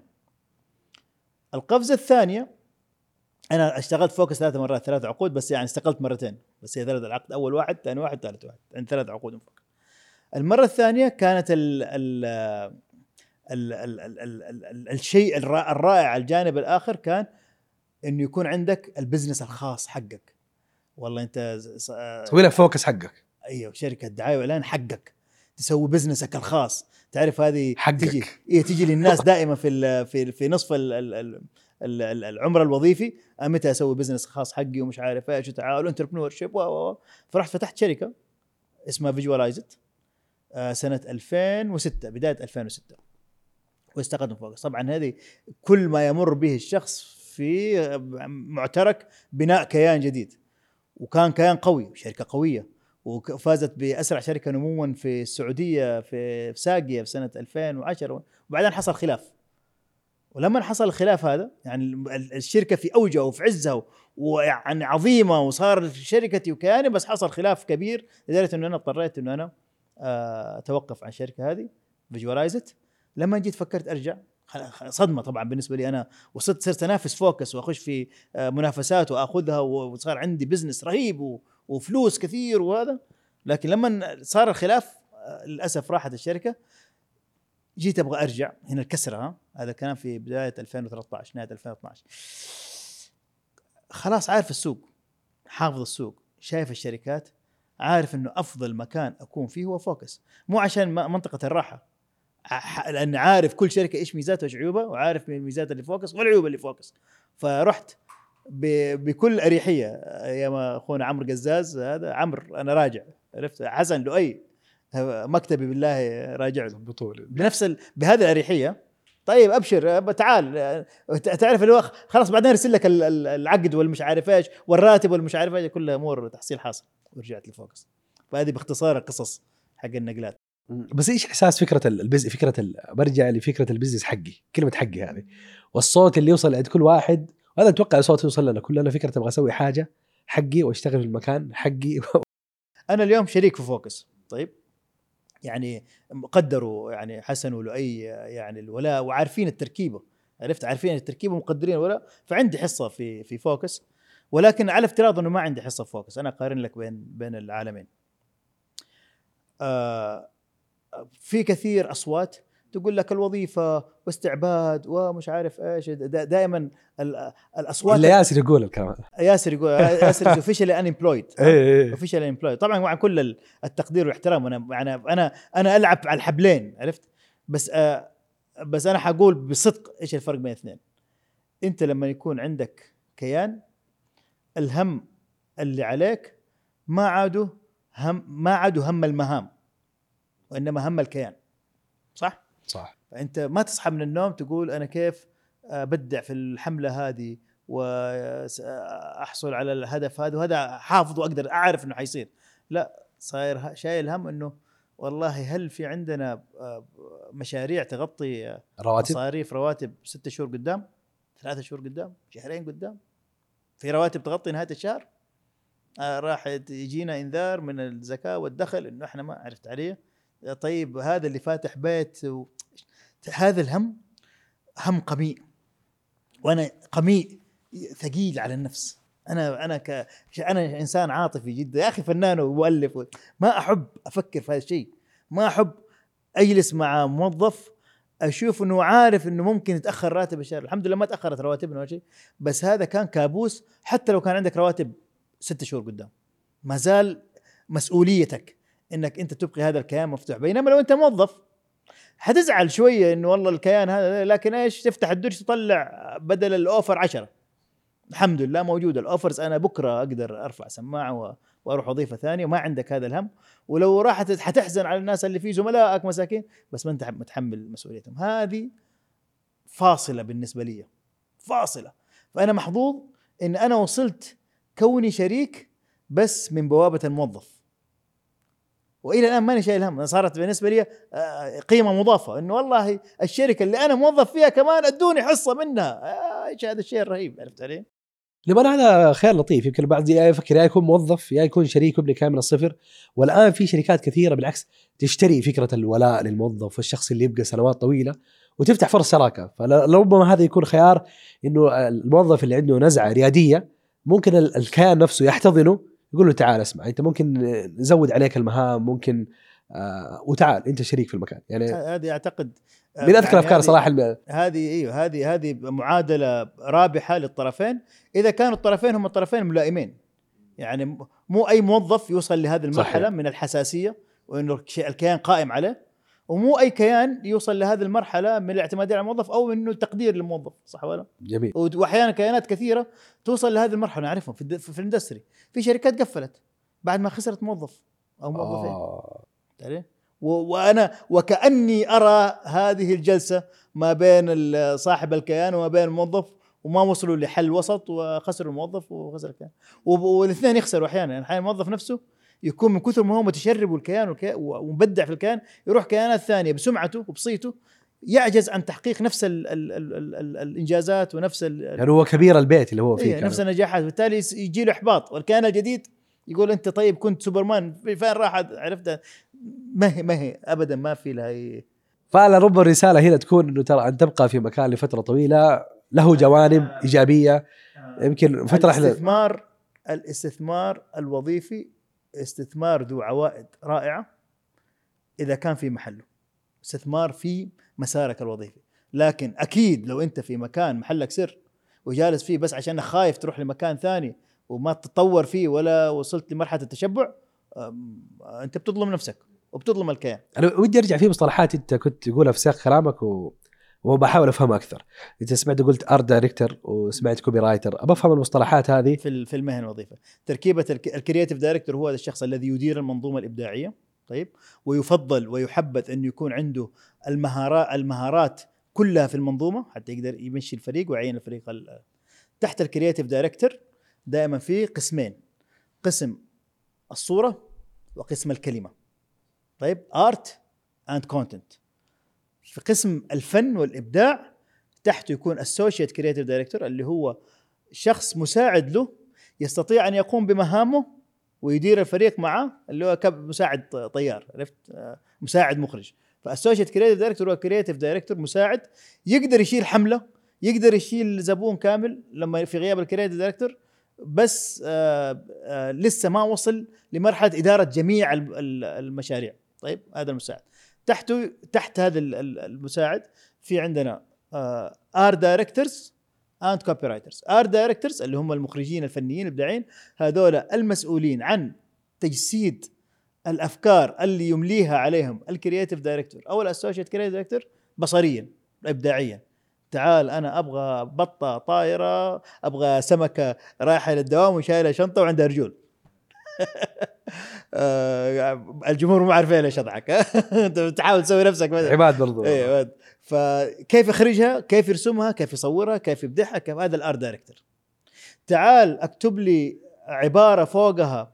آه، سمكة قفزت من من محيطها المثالي لتكافح في معترك الحياة.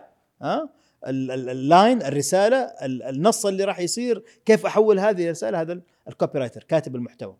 هذول الاثنين. تحت هذا فيه آه كمان آه آه، مراحل آه تحت ال art director في حاجة اسمها junior art director art director مبتدئ أو مثلا graphic designer مصمم جرافيكي هذا ال graphic designer هو اللي لازم تقول له لا شيل السمكة وجيب الموية وركب لي حط لي هذا عليه وجرب لي هي ويصمم عرفت عليه؟ وفي finalizer اللي هو تحت اللي هو فقط يقول حول لي حجم الصورة كذا في كذا واديني الملف النهائي وهنا تحت ال copywriter في editor مدقق محتوى في آه، آه، كاتب وكاتب محتوى في conceptualizer اللي هو يسوي الفكرة الأساسية يكتبها وفي إلى إنه يعبي والله اكتب لنا رسالة عن المنتج الفلاني في تغريدة مثلا. فهذه المنظومة. من ناحية ال- اللي هي الإبداع. في كمان الإدارة. الإدارة عاد منظومة أخرى. إيه جميل. أنا لاحظ سبحان الله كل ما المهمة تكون أصغر كل ما تكون آه، في أدنى المستوى الهرم الوظيفي وكل ما المهمة كبيرة وغير واضحة وفيها غموض وفي هذا كل ما ارتقى. ولربما القيمة المهنية أشوفها في الغالب تكون على مدى صعود. قديش المهمة غير واضحة. كل ما كانت محددة كل ما الراتب كان أقل وكل ما المستوى الوظيفي كان أعلى. في في معيار ثاني كمان. آه، مسؤولية ال- ال- العرض والتبرير والبيع. إيش يعني؟ أيوه. أنا أنا ك creative director مو بس أسوي حملة حلوة. أنا مسؤول إني أقنع بيها منظومة كاملة. هذا راح يخرط ملايين في الحملة حقه. وحاط يده على قلبه في منتج لو ما باع راح ينفصل وراح يتقفل المصنع وراح ي- عرفت عليه؟ فأنت كيف العمل هذا اللي سويته مع فريقك الرهيب تروح تبيعه وتقنع به. أحيانا تكون منظومة. والمنظومة هذه أحيانا يكون شخص أحيانا يكون فريق أحيانا تكون جهة حكومية أحيانا يكون وزراء. إلى أعلى مستويات. فأنت الشخص المسؤول ك creative director عن بيع أو طرح هذه الفكرة بشكل مقنع يخلي الناس كثير كل الناس كل الجهات كل أصحاب القرار معاك ويوافقوا معاك وت- وتشوف النور. هذه هذه أنا الآن أدعي إنه هذه يمكن أهم مهارة عندي موجودة حاليا. قدره على تحمل مسؤولية القرار؟ لا القدرة على إقناع الآخرين بهذا القرار. إقناع أصحاب القرار أنه يتخذوا قرار غالبا جريء. في القرارات هذه مو بس فلوس يعني أشياء أحيانا سمعة. طلع شعار سيء. أنت تخيل أن أنت جهة, أنت جهة حكومية وسويت آه، شعار والشعار طلع سيء والناس انتقدوه. إيش راح تسوي؟ انت في الحالات هذه تمشي وراء حدسك تمشي وراء تجاربك السابقة كيف تعرف إنه أنت الآن في حملة ولا في شعار وهذا حينجح أو لا والله أحيانا نشوفها من على بعد ألف كيلو ها لزملاء. يكون في إعلان وعارف هذا الإعلان راح يسبب كارثة. عارف. يوريني يستشيرني ولا هذا أقول له ترى انتبه ويسبب كارثة. أه، مو حدس هو طبعا خبرة أنت عارف. وكمان أحيانا حكمة في الإبداع. أنت الإبداع مو معناته كل شيء مفلوت وتسوي اللي تبغاه. لازم يكون إبداع مقنن لازم الذكاء إنك أنت تعالج المشكلة توصل رسالة وتسوي الأثر من غير ما يكون عليك مآخذ. أو تكون مآخذ مدروسة. أنا أبغى أثير جدل. أنا خليني ادي لك ادي لك مثال لحملة. أنا عارف مضارها وسويناها بكل الاحوال بس أنت تكون شايفها وعارف ميزاتها. أنا مثلا في أيام سويت الشعار حقت المنت- المنتخب السعودي. الصقر والنخلة والهذا عارف ال- ال- البيئة الرياضية هي أكثر بيئة شائكة صحيح. وت- وت- وتعصبية. فأنا كنت ماني عارف من فرح تجد الشعار. أنا شايفه رائع و... و... واقتنعوا به وقدرنا نقنع أصحاب القرار و... ونزل و... والكل أشاد به بس تخيل إنه كان في غرفة عمليات إنه لو جاء أحد قال كذا. لو جاء قال أحد كذا. طيب تطلع في حلقة مع وليد الفراج.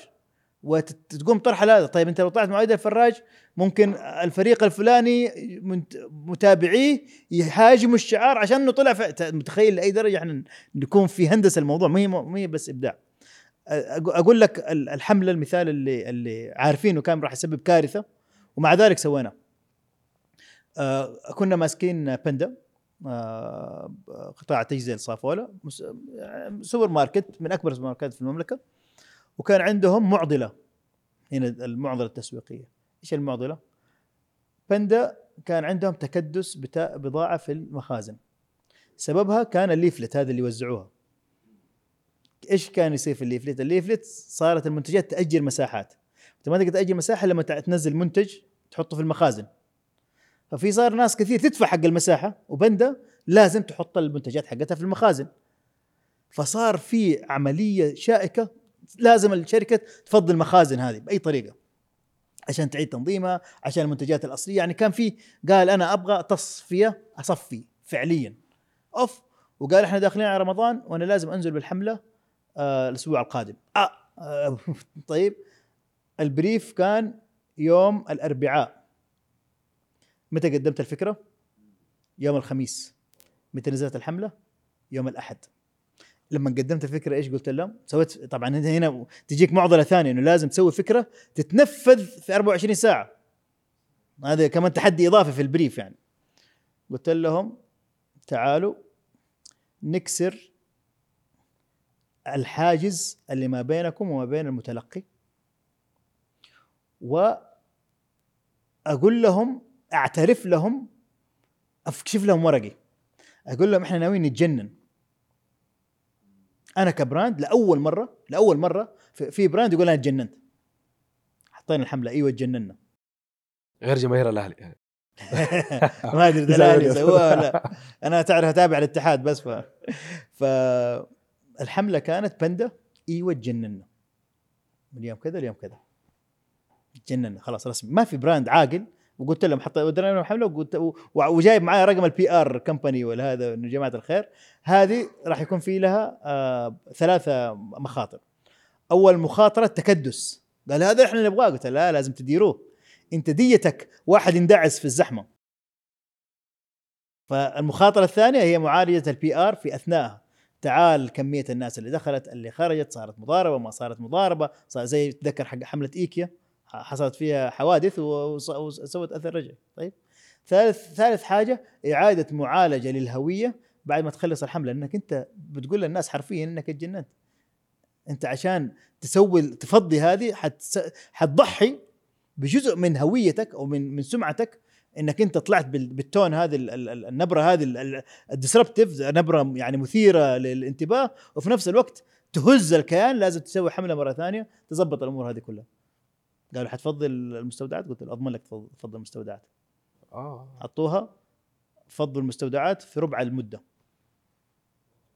أنت يمكن شفت الفيديوهات الناس تخش من تحت هذا وتمت إدارة الحملة بشكل رائع وما حصل فيها أي ردة فعل سلبية. هنا أشوف تأثير يا أخي للإعلان. يعني أنا كلامنا كلنا زي ما قلت في تحت مظلة آه، صناعة الدعاية والإعلان. وأنا للامانه عندي موقف من ال من ال شفت التفاصيل الابداعيه هذه. أنا احب صناعه المحتوى واحب الابداع جدا واحب بس أنا عندي مشكله مع الاعلانات. يعني وأنا اليوم أنا لما قررت إني أدخل عالم المحتوى كان عندي مسارين. في المسار الأول عالم الدعاية والإعلان تشتغل في الجنسي وتكتب أفكار إبداعية وتسوي حملات تسوي حملة أبو دقيقة حملة هذا تصاميم إبداعية هدفها في الأخير دفع الناس إلى الشراء في الغالب. أصلا الفرق بين ال copywriter ممكن صحيح لي وال writer العادي. ال copywriter هو كاتب إعلاني بالدرجة الأولى. هدفه إنه هو يس يروج لشيء يروج لحاجة بدافع بدافع تسويقي بحت. وبين المحتوى إنه اليوم إحنا نسوي محتوى هدفه يوعي الناس في قضية معينة هدفه إنه إحنا نبسط للناس أفكار معينة إنه تكتب سوي فيلم. شوف أنا بكتب أشوف الإعلان والأفلام القصيرة مقابل فيلم مقابل كتاب مقابل بودكاست مقابل محتوى original في التيك توك مقابل محتوى original في اليوتيوب مقابل المحتوى اللي الناس كلها وحر طليق. وحط طريق مو على brief ولا المحتوى. لا غير المحتوى هذا اللي غصبا عني. إلا أشوف غصبا عني في إعلان. قبل أنا فتحت اليوتيوب أبغى أشوف فيديو اليوتيوب. قبله في إعلان سواه إبراهيم لازم اشوفه واستهلكه قبل. فأنا أنا حتى مهنيا قررت إن أنا ما أروح لجانب المحتوى يعني محتوى البودكاست محتوى الثقيل خلينا نسوي أو أي محتوى. الناس تستهلكه برغبة شخصية داخلية منها مقابل المحتوى اللي الناس تستهلكه رغما عنها ما هي فلسفتك آه، هل تعلم إنه الثانية هي ردة فعل الأولى؟ كيف يعني؟ أنا أنا بشتغل على المحتوين وأنا بسوي دعاية وإعلان صح وكوظيفة في نفس الوقت بكتب روايات بسوي أفلام صح ولا؟ الروايات والأفلام هي ردة فعل للضغط آه تبع الدعاية والإعلان. ليش؟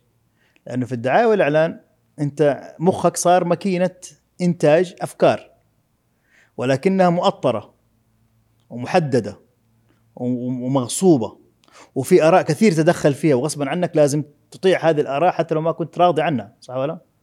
طيب المك... بعد ما خلص الدوام الماكينة هذه لسه فيها بنزين إيش تسوي فيها؟ تطلع محتوى ثاني إبداع تمارس هواية إبداع الناس عن طريق عن طريق القصص عرفت علي؟ لكن في جانب آخر من المعادلة. الفلوس. يا سلام. عارف أنا. إيه، فأنت هنا هذه الماكينة في جهات مؤسساتية تحتاج إلى هذا المنتج بشكل دائم فبالتالي هو شيء سيستماتيك طيب في في عرض وطلب مستمر دائم. و و و, و في أي لحظة أنت عندك عشرة زباين مثلا طيب لو واحد راح حيجي بداله واحد وسمعتك موجودة. فما ما هني قلقان إنه في يوم من الأيام أصحى من النوم أقول إيش راح أسوي؟ إيش راح أبيع؟ هنا المحتوى خلينا نتفلسف فيها زيادة. هي عالم صناعة ال IPs اللي هي الملكيات الفكرية. أوكي؟ كل ما تصنع IP منتج brand تبدأ توسعه وتكبره تستثمر فيه كل ما تكون فرصك الربحية أكثر. لأنه ال IP هو مغناطيس الملكية الفكرية هو مغناطيس يعوض عن مغناطيس تدهور الاهتمام. أنت في البداية بدأت أنا والله سويت بودكاست حلقة رهيبة كسرت الدنيا ما حد داري عنك أنت مين. حبوك الناس. سويت الحلقة الثانية رهيبة وانت عارف. بعدين صار وهذا ينطبق على أي واحد صاحب محتوى سواء شخص فرد مؤسسة إلين ما صار عندك كانك أنا فلان آدمي. طيب؟ أو أنا المنتج البرنامج الفلاني. بس كون إني أنا طلعت في هذا البرنامج الناس راح تجي بغض النظر. خلاص صرت أنت جزء من روتين الناس ها؟ سواء برنامج محتوى أو حتى شخص. ال influencers هذول كيف؟ سوى حاجة عجبته كبر كبر كبر صار هو في النهاية جزء من روتين الناس. يمكن هو بسلامتهم كلهم بس يمكن هو كشخصه لو شفته ما أعرفه أنا ما ادي له قيمة. بس والله مشهور يلا تصور معاه. يلا مش عارف يلا تابع أنا أسوي له follow الشركات هو مغناطيس لملايين الناس الشركات تدفع له فلوس عشان يطلع يسوي لي ترويج لمنتجاته. فاللي يقدر ينجح يتحول ل IP هي ركز معايا في هذه مضبوطه حيرجع يتحول إلى مهني مؤطر كما كان في السابق. ليش؟ لانك انت كنت بتسوي تبدع وأنا أبغى أسوي رواية ما حد يكلمني رواية ثانية رواية ثالثة لين ما صار عندك جمهور معين. أول ما تركب الجمهور تركب على رأسك client صح؟ صار غصبا عنك تمشي بقواعد اللعبة.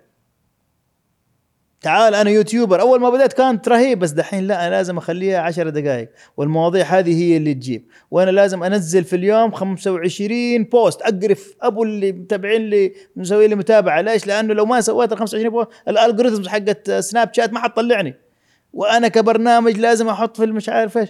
فهي الفلوس والإبداع. هذا الشيء اللي فراس جالس يسويه الحين أعتقد إنه هم يعني الجمع ما بينهم عملية تركيبة جدا الإبداع الممتع الحر يعني جدا صعبة. وأنا بحاول وأنا بعيش في الزوبعة هذه سواء كفوكس و advertising أو سواء ك يتخيلون وكتابة وأفلام.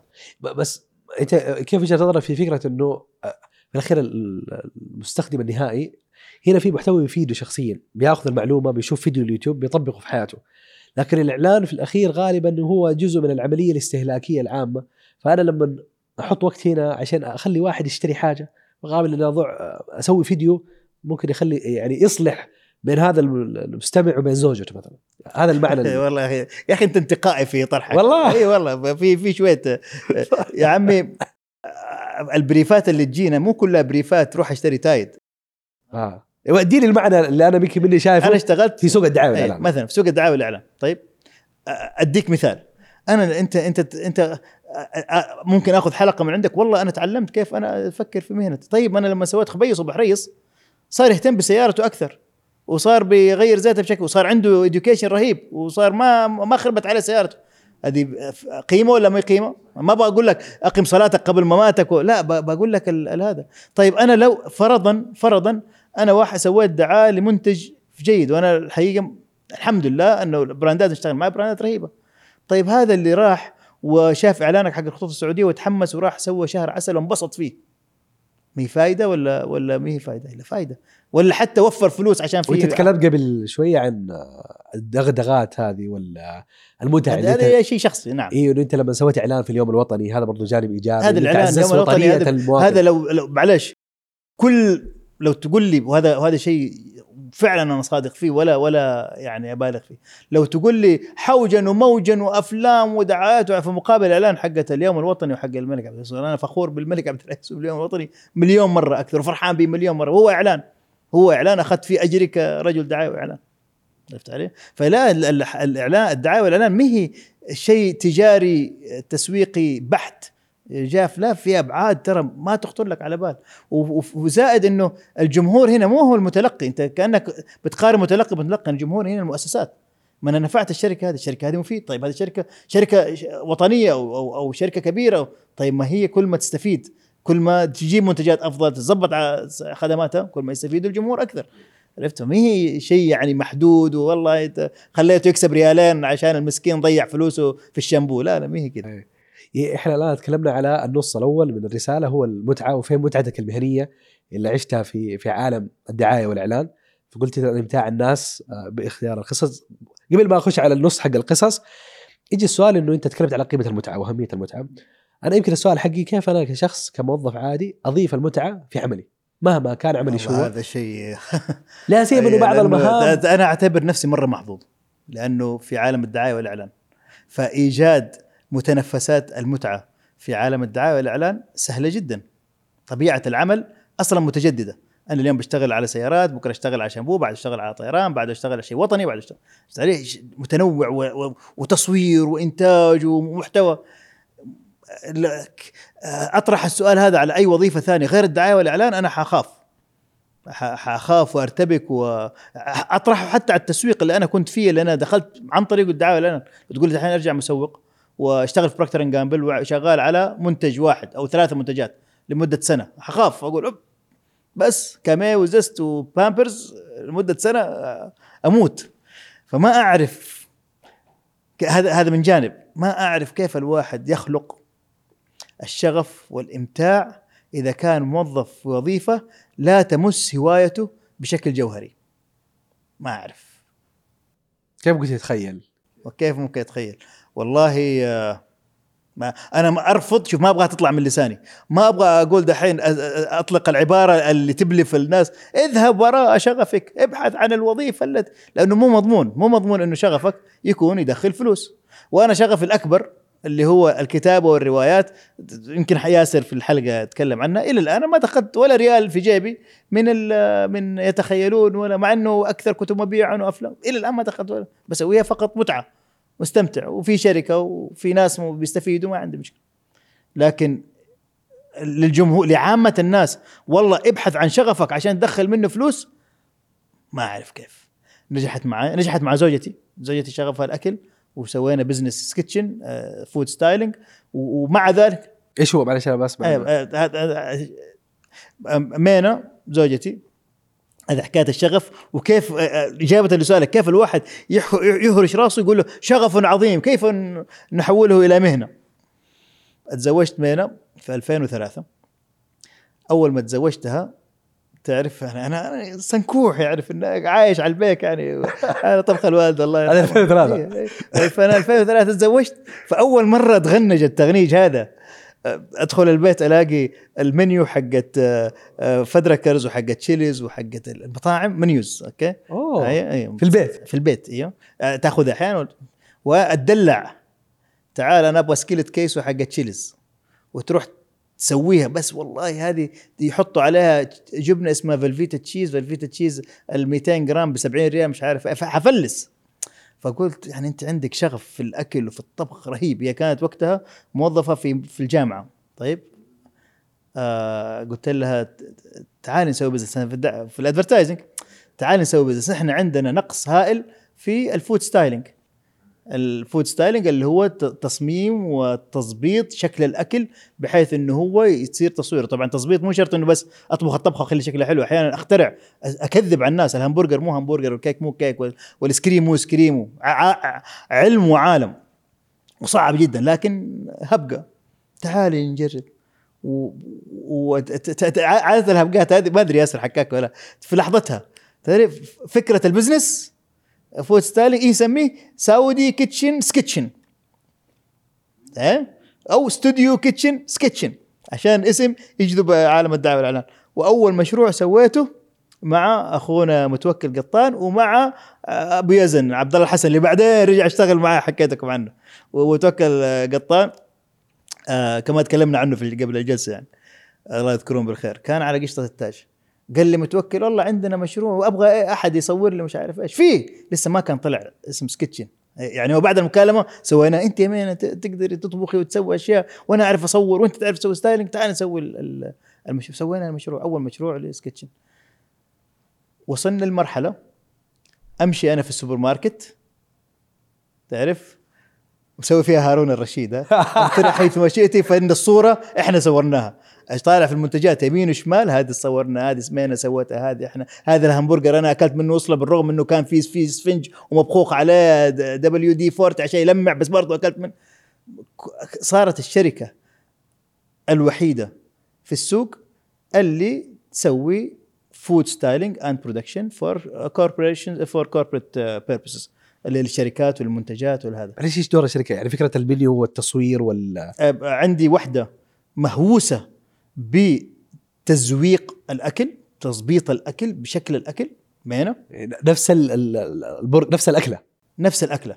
وكيف لما أنا أطلبها أستلمها؟ يعني مثلا آخر مشروع سويناه أه، منتج اسمه الكبير زي أمريكانا. إحنا اشتغلنا على أمريكانا واشتغلنا على أكثر المنتجات اللي في الفريزر إحنا شغالين عليه اشتغلنا على الكبير. تنزل دحين تلاقي المنتجات كلها تغيرت ال- ال- الغلاف جديد. كل الصور اللي موجودة هي صور تم خلقها في الاستوديو تبعنا. ويجي ال brief لا أنا أبغى السمبوسة يكون شكلها كذا واللي طالع منها كذا والهمبرجر الطبقات. مو سهل لما تطبخ الأكل معروف يعني ما يطلع شكله زي هي مه... كانها كأنها فنانة تشكيلية. كأنها تعمل فوتوشوب بس في الطبيعة. يطلع همبرجر تخاف تمسكه كثر ما هو حلو. ال ice عبارة عن عجينة مع سكر بودرة مع سمنة تزج وتخترع. وتروح تسافر مع ال food stylist اللي في العالم في كوكب الأرض كل سنة يتجمعوا في قرى ما أعرفها وأحيانا أروح معاه أكون مسجون لحالي أنا ماني طباخ ولا شيء هم قاعد تجرب معاهم تجارب جديدة. عالم عالم شغف رهيب. بس تحول إلى business اليوم اللي يبغى يعمل food styling في السعودية الاسم الوحيد اللي أنا أعرفه يعني كمؤسسة تنتج لك هذا هو هو سكتشن في food stylist فنانات وهذا بس ك business بدأ من 2003 إلى هذه اللحظة سكتشن فهذا بزنس وحلو ويجيب فلوس. وصلت لمرحلة إنه أنا كمان ما أبغى مرتي تصير آه، يعني زي أنا رهينه طاحونه البزنس فصرنا انتقائيين جدا في في البريفات. لا يا عمي لما يجي بريف كذا رهيب ولا صاحب يمون عليه إكس بي انجير ولا صديق قديم. إبراهيم تكفى تعال الكيترينج حق السعودية ولا الباكجينج حقت الكبير ولا هذا. ن- نشتغل عليه. وحب زوجتك للأكل وتصميم الأكل. وتجربتك أنت في ال business والدعاية والإعلان مع بعضها صار صار هذا ال business وال business فيه شغف. ولو ما كان فيه شغف كان قلت لها لا لا, لا تشتغلي فيه. يعني إحنا خلينا كذا بتحدى شوية الفكرة هذه. في فكرة الشراكة ما بين الزوجين في في في عمل. فإحنا عندنا حلقة بعنوان آه، كيف تختار آه، زوجتك بناء على مهنتك؟ وتكلمنا على. الرجل والمرأة. أيوه. آه، في عالم المهنة. وأحد الأشياء اللي قالها كيف تختار زوجتك على أساس مهنه؟ لا لا. كيف يعني أنت عندك حياة مهنية والحياة المهنية دائما تتقاطع مع الحياة الأسرية. فأنت الآن لو عملك في آه، في شغل متواصل. فما ينفع تأخذ واحدة ت... قد يكون أيوه من الشخص إنه صعب. وأحمد مشرف يعني صديق مشترك بيننا عنده برضو كذا نظرية إنه أنت لو فنان ما تتزوج فنانة. يعني أنت فنان طريقة تفكيره. وبرضو ضيفنا الحلقة قال إذا أنت شخص مشهور وهذا لا تأخذ مشهور. بس من ضمن التفاصيل طبعا هذه يقول يعني طبعا عالم الزواج وعالم ال business. قوانين. قاعدة بعدين لها استثناءات بس بعض الأحيان يعني ال- ال- المستشارين الأسريين يحب يحط قاعدة. كانت القاعدة إنه الأصل إنه ما يشتغلوا في مكان العمل سوا والاصل الأصل إنه ما يسووا business سوا. ولو سووا business حيكون في تحديات كثيرة في الملكية هذا الموضوع عند مين؟ فكرة إنه هو يعملوا مع بعض وفي البيت مع بعض. وإنت لك تجربة ويعني ما شاء الله من خلال سياق كلامك إنه هي بفضل الله تجربة ناجحة وقد تكون التجربة الأنجح في في في القطاع اللي شغالين فيه. فالقاعدة تقول إنه الأصل إنه الزوج والزوجة لما يشتغلوا في بزنس يفشل. ولكن إنت قد تكون الحالة هذه استثناء. بسمع وجهة نظرك في الموضوع. أول شيء أنا وجهة نظري إنه هذه القاعدة قاعدة مفبركة. آه أصلا أنت ضد لا القاعدة. ضد. لأنه أعرف كثير يعني في القطاع تلاقي يعني هو مخرج وزوجته كانت assistant director وتزوجها ولسه ما زالوا يشتغلوا مع بعض. يعني مر مروا علي كثير تجارب. بل ما فيش ما فيش تجربة آه اثنين متزوجين ويشتغلوا مع بعض آه مرت علي فاشلة. آه إلى الآن عرفت؟ بالذات مع في الدعاية والاعلام انه الانتاج ولا كثير كثير كثير. تعرف اللي هو يعني يصير يصير يعني أصدقاء عائلة تعرف؟ أنا رفيق طنبا وعرفت وباولا زوجته بسين مديرة الإنتاج وهذا من خمسين سنة وما زالوا مع بعض وبزورته صاروا منتجين مع يعني ما هي ما هي ما هي قاعدة أعتقد. آه، بس آه، أنا خلاص أنا يعني صار عندي تعرف آه، قولوني ورم من كثر ال- الت- التنظير آه، بالذات التنظير الأسري ال- ال- اللي حاصل. ولكن خليني أقول ما تعلمته أنا من تجربتي. آه، أول شيء اللي أقدر أعتبره قاعدة هو إنه ال- التوائم والتآدم والكيمستري بين بين أي اثنين هو سر نجاح أي أي نوع أي تركيبة علاقات بينهم عرفت علي؟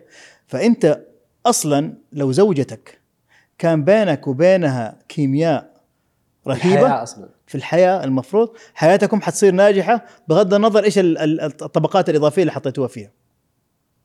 وإذا ما كان في كيمياء حياتكم نجاح حيكون محدود. ممكن النجاح هو يعتبر إنه إحنا ما نتضارب. لو سوينا شغل حنتضارب بس إحنا ما الحمد لله ما سوينا شغل فما تضاربنا. طيب ما أنت أصلا في نقص في الكيمياء بينك وبين هذا. مو معناته إنه زواجكم آه، ناجح. صرت منظر أسرة دوب قاعد احش فيهم يعني. فأنا الحمد لله أنا ومينا بيننا وبين إحنا مع بعض عندنا كيمياء رهيبة ومتناقضات كثيرة. إحنا شخصيتين مختلفتين تماما. هي صح فنانة مبدعة بس في الأكل. أنا ما أعرف أسوي فنجان شاي أنا غدد التذوق عندي ما تفرق بين الايس كريم والهمبرجر. عرفت؟ أنا لما أروح مطعم ما أطلب هي تطلب لي أما أكون مسافر يمين معايا أصور لها منيو. تحبه أكثر مني من إيه من تحت هذا أصور منيو عشان ما تح- تحرجني مع, مع الناس تعرف؟ وبعدين ترسل لي تصور لي وترسل لي الأشياء اللي أطلبها. يعني في في اختلاف في الشخصيات رهيب ولكن الاختلاف هذا لا يعني إنه ما فيش كيمياء كيمياء رهيبة. فمينا هي صديقتي؟ هي خويي.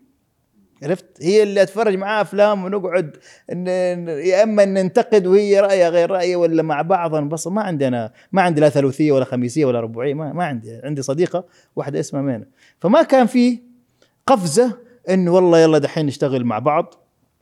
أنت إيش حتسوي عليها مدير؟ وأنت حتسوي عليها creative director وأنت حتسوي عليها شيف وأنت ما ما في عندنا هذا الشيء. ومع ذلك تصير في الاختلافات الطبيعية البديهية اللي تصير في أي بيئة في أي بيئة عمل. اختلافات اختلافات اختلافات أحيانا تكون حادة. طيب توصل أحيانا عناد انه والله لا أنا شايفها كذا لا أنا شايفها كذا. طيب أنت أنت اللي تدير الموضوع هو ال client حقك أنت خذ القرار وأنا أنفذ. توصل كذا. أو العكس أنت الشيف وأنت ما تبغى تسوي سوي بالطريقة اللي تبغيها وأديني المنتج ونشوف يا رضا ال- ال client ولا ما رضي. توصل لهذه المرحلة يوصل خلاف ولكن ما ما عمره وصلنا لمرحلة إنه يا إحنا ما ينفع نشتغل مع بعض إحنا متزوجين. اللي اللي يتبنى هذه النظرية أعتقد إنه لازم يراجع درجة الكيمياء اللي بينه وبين آه بس زوجته. هذه لاحظها كثير الواحد وأنا صارت لي كثير واحد من أعز أصحابي اللي نخرج ننبسط ونتعشى وما نختلف بس لما نجي وقت الشغل طريقة تفكيري في الشغل مع طريقة تفكيره مختلف. والعكس إنه شخص والله ما أتعشى معه ولا أشرب شاي معاه بس وقت الشغل لا أحترمه وأقدره واحس إن إحنا بنجلس مع بعض وكذا. فأنا أحس الكيمياء لا عصف الزواج هو موضوع الاريحيه الاتفاق على القيم. ال- في ثقافة عائلية متقاربة لكن ال business شيء مختلف. وكل الارتياح الشخصي بيني وبينك ليس بالضرورة إنه إيه، إحنا ما لي هو هو ليس بالضرورة. مو معناته إنه عندي كيمياء لازم أسوي business معاه بس العكس كمان آه، غير العكس آه، غير صحيح. آه، آه، ما هي قاعدة. أنا أقول لك ليش؟ هذول الناس اللي بيفكروا هل يسوي لي تاثير إيجابي؟ أنا بقول لك اللي بيفكروا كذا لو انت في عندك فرصة رهيبة انك تسوي بزنس مع زوجتك فرصة رهيبة. يعني هي عظيمة في شيء وانت عظيم في شيء زي ما حصل معاه. بس تجنبتها تجنبا للمشاكل المحتملة ساعتها أنتوا ضيعتوا على نفسكم فرصة بس عشان تشتروا دماغكم. مو عشان والله لا ينفع ما ينفع إنه أنا أشتغل مع زوجتي. أنا لا لا الشغل فعلا أي شغل أي أي علاقة إضافية بين اثنين تزود فرص ال ال ال الخلاف صح ولا؟ فهذول الاثنين اشتروا دماغهم أنا ما أبغى أزود فرص الخلاف بيني وبين يا زوجتي سلام عليك. أنت جبت اللي في بالي لأنه أنا صح لسه ما دخلت على الزواج بس من كثر ما أسمع مشاكل يعني كذا كيف الواحد يأطر علاقة الزواج إنه عشان لا تسبب مشاكل. إيه، هذا واحد هذا كسل. زوجتك ليست صديقتك هذا كسل في العلاقات مش مش ذكاء في العلاقة. بس تقول حتى ثلثيه ما عندك يعني كيف وقلت لي هي صديقتك. بس يمكن السؤال الثاني كيف كيف حبك لزوجتك خلى حياتك المهنية أفضل وخلى إنتاجك أعلى و... فاكر إعلان رزايه ورزايه أيوه. أول إعلان. تعرف أول أحد فشخرت عليه به مين؟ مينا ايامك كانت واحدة من ال- ال- القلائل اللي في الفضاء الإلكتروني طيب وفي آه، دورات كان بتصير ومش عارف إيش وأنا أتباهى بعملي طيب.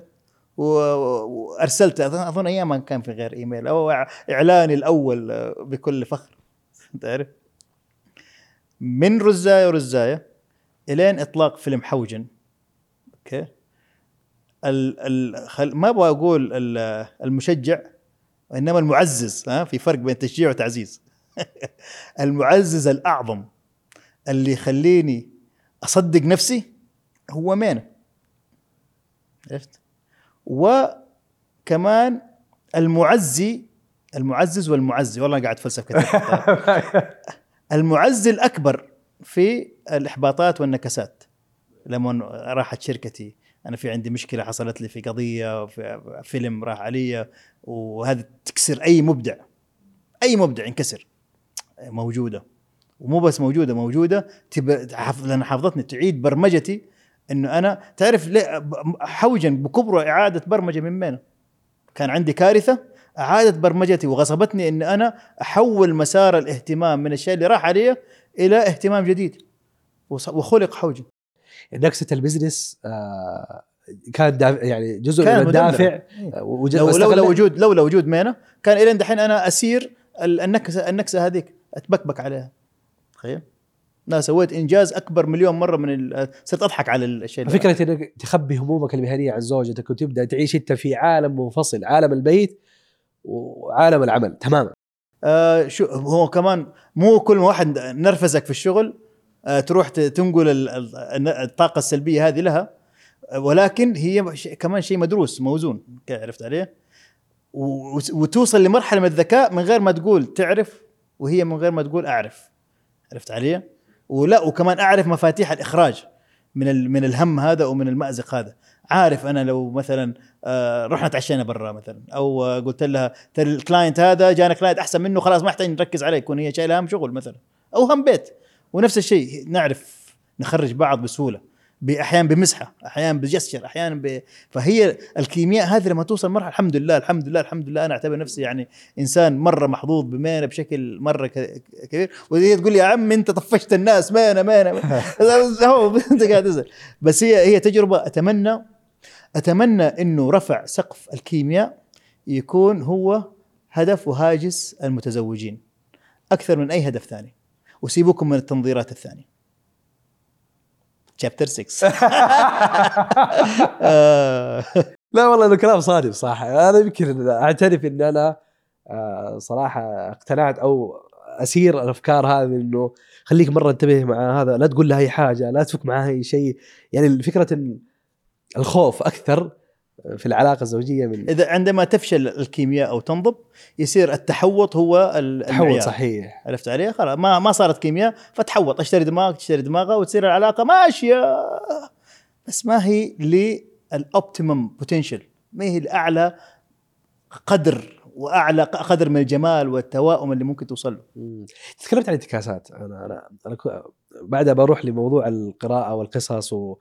وعالم بس آه، لفتني موضوع النكسات آه، طبيعيا بس, بس إيش تعلمت من إخفاقاتك المالية؟ آه، أول أول شيء تعلمته إنه المعجزات حقائق كونية دائما كذا كنت أقول والله الأحلام وتتحقق والمعجزات تتحقق والمش عارف إيش وهذا صح ولا لا؟ أنا نكساتي هي علمتني إنه اسعى يا عبدي وأنا اسعى معك أنا عند ظن عبدي بي اترك الأمور بيد الله طيب ولا تسأل عن تدبيري خلاص سوي اللي عليك سوي اللي تقدر هذه. هذه تعلمتها درس عملي ها آه، كنا ناخذها ومواعظ ولا تعرف لكن أنا. أخذتها بال... بالتعليم بالت... بالتدريس إنه كذا حصلت لي أشياء خلتني ال- الشيء اللي كان مستحيل يتحقق ومستحيل يصير النكسة هذه اللي كانت السبب. والدافع إنه هو اللي هو, إيه هو يصير. هذا أكثر شيء تعلمته. وتعلمت حاجة ثانية كمان آه، يعني والله قال لي هي آه، الكابتن عماد المالكي يرسل له تحية. آه، معروف طبعا. سوى برنامج وأول حلقة كانت ذلك الوقت سيمضي. وحطها في البرنامج ونزلت أيامها في جوي. بس هو اداني هي لايف طيب وأنا أكبر منه طبعا عمرا. بس هذا شخص كاراتيه وجايب بطولات. أنا دخلت في الكاراتيه شوي وعارف اللحظة هذه لما تكون في كوميتيه وقدامك واحد وحياخذ منك نقطة وحيعورك وحتعوره هذه لحظة فيها رهبة رهيبة عندي. فأنا جلست وك- وكذا عندي ال- ال- ال- الرهبة هذه يا عماد إيش بتسوي؟ إيش قال لي أنا تعلمت حاجة. ذلك الوقت سيمضي. أنا حولتها لعباراتي. بكرة تتذكر وتضحك. على أي كارثة بتصير. مهما كان حتى لو كانت كارثة حتى لو كانت وفاة ما تضحك بس حيمضي. فقدت عزيز حيمضي. حتى الإنسان مشتق من النسيان عرفت؟ تعرف هذه كمان تعلمتها من ال- ال- النكبات المعجزات. وذلك الوقت سيمضي والنكبات هي مفاتيح الإنجازات الجديدة. ما في عندي أي أستطيع أن أدعي إنه ما فيش أي شيء عظيم في حياتي إلا ما كان ردة فعل لشيء أنا زعلت إنه راح. زعلت وبعدها حمدت ربي إنه راح. الحمد لله ربنا سبحان. ما ودى هذا الا هذا أعتقد صرت كذا صارت فيها سحنة وع- وعظيه أكثر من العمل ولكن واقع. لا في رؤى أسرية ورؤى عن الحياة. لا وفلسفات المبدع يعني المبدع دائما عنده يرى الحياة بطريقة مختلفة. الله يخليك. وكنت أفهم من كلامك إنه حوجن كان جزء من ردة فعل لنكبة. فعل على نكسه ممكن تكون في ال business أو كذا. وولد حاجة يمكن تكون قد تكون أفضل وأجمل بمراحل من لو ال business أو ذاك الأزمة لم تأتي يعني. صحيح. الحمد لله أنها جت. أنها أتت صحيح. تعرف إيش كمان يسوي؟ يصير يخليك تتب... تتفائل بالنكبات الجديدة. يا سلام أوه. هذا هذا ما توصل لهذا القدر من هذا- اليقين. هي و- ولا- والله ممكن تكون نكبة زي هذيك النكبة وربنا ما تدري. هذا ليفل جديد من ال- من اليقين. عالم الكتابة وعالم الروايه إحنا تكلمنا عن عالم الإبداع. أنت أتوقع الإبداع عندك في شقين في شق الكتابة؟ الروائيه وكذا والشق الثاني اللي هو الكتابه والإبداع واللي تكلمنا عنه. آه، وأنت تمازج وعلى قولهم آه، تاكل وتشرب من هنا من هنا نعم. وتستمتع أكثر ممكن أو صح. لربما تصل للجمهور و- وقلت لي واحد الأشياء وأنا كنت أدرس معاه قلت لي جانب الكتابه هذا هو الجانب الأصغر في حياتك. يعني جانب وقتا. صحيح. آه، اهتمامك بعملك يمكن أكثر يمكن هذا شيء طبيعي. بس أنا برجع كذا بتحدى معلش اسمح لي أنا يعني حاولت أتشاكس كثير معاك في الحلقة هذه. براحتك. لكن أنا عندي برضو تحدي في موضوع الرواية أصلا كرواية.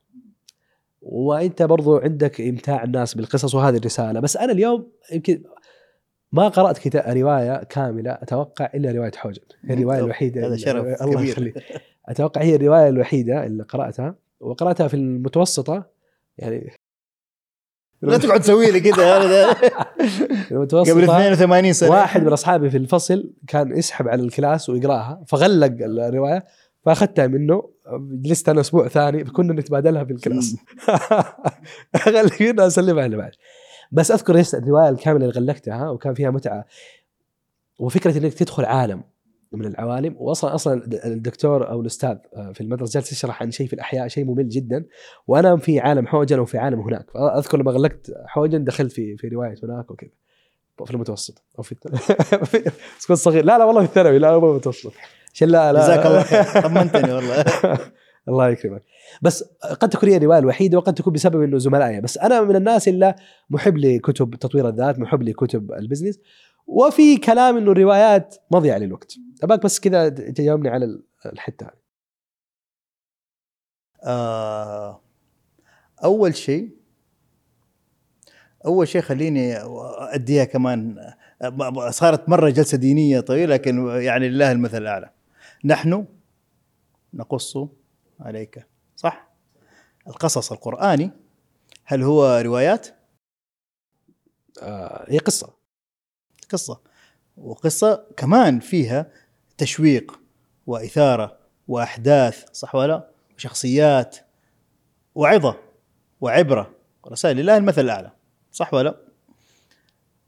لولا أن القصص هي أداة قوية بل وقوية جدا لما كانت خذ معايا خذها حط تحتها عصب إرسال الرسائل. مو إحدى أدوات إرسال الرسائل هي عصب إرسال الرسائل. ما فيش وسيلة أخرى أقوى من القصص القصة في إرسال الرسائل. وما بتكلم بس جانب ديني ها؟ ما بتكلم. أنت معلش أنت فرحان بكتب تطوير الذات حقك؟ إيش هي؟ تفتح يقوم يحكي لك قصة موقف حصل معاه. موقف في البزنس. ما تفتح تقول لك ملاحظات عندما تفعل كذا افعل كذا. لا كيف قامت شركة جوجل وكيف بدأت من الجراج صح ولا لا؟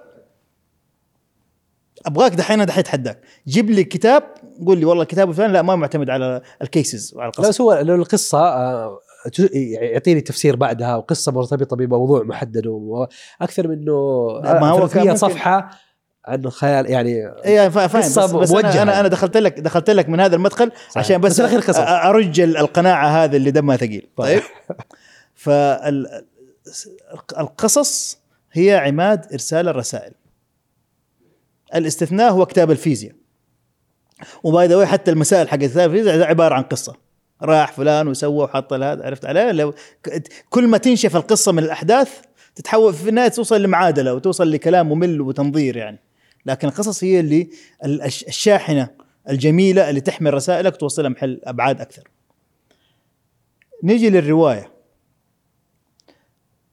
الفرق ما بين الرواية والكتاب اللي هو خلينا نقول اللي فيه أكاديمي أو كتاب تطوير ذات أو هذا إنه في واحد محدد الهدف منه مسبقا في مقابل واحد ثاني الهدف اللي حيطلع منه عبارة عن مفاجأة جميلة. أنا لما أخش لكتاب مثلا أديني كتاب مثلا 12 ways وهذا واحدة من عادات تستخدم 12 methods to change to make your employees love fall in love with you وبعدين يقوم حتى كذا صح ولا؟ أنا داخل بهدف إنه الموظفين اللي عندي مو طايقين ريحتي أبغاهم يحبوني. صح؟ خلاص داخل بهذا الهدف. واحيانا يصير فيها تحايل هذه. خلاص الله أنا أزغزغك وأدغدغك وأمتعك بقصص cherry picked منتقاه بحيث إني أفلسف عليك الموضوع وأقول لك والله هي هذا ممكن تكون صح ممكن ما تكون صح. طيب بس هو في النهاية ركبها وصار أكثر أكثر كتب مبيعا لأنها مقنعة بشكل كبير ممكن يكون قابل للتطبيق ولا مش قابل للتطبيق. ولو قابل للتطبيق أنا ما بقول كل الكتب تعبانة بس كثير من الكتب عبارة عن إعادة هندسة وهيكلة لتنظير ممكن يكون جيد وفي الغالب يكون ترى حشو. عرفت علي؟ بس I feel good قريت والله الكتاب حق السبع العادات. طيب طبقتها؟ حبوك الموظفين؟ 70% لا 30% ممكن يستفاد. إيش الفرق بينه وبين الرواية؟ ترى أنت في الرواية أنت بتفتح مو عشان بروج لمجالي أنا نفسي أكتب كتاب عادة السبع اللي مش عارف إيش. بس I would rather do في في رواية. وأحسن لي وأحسن للجمهور إنه يكون داخل من غير توقعات.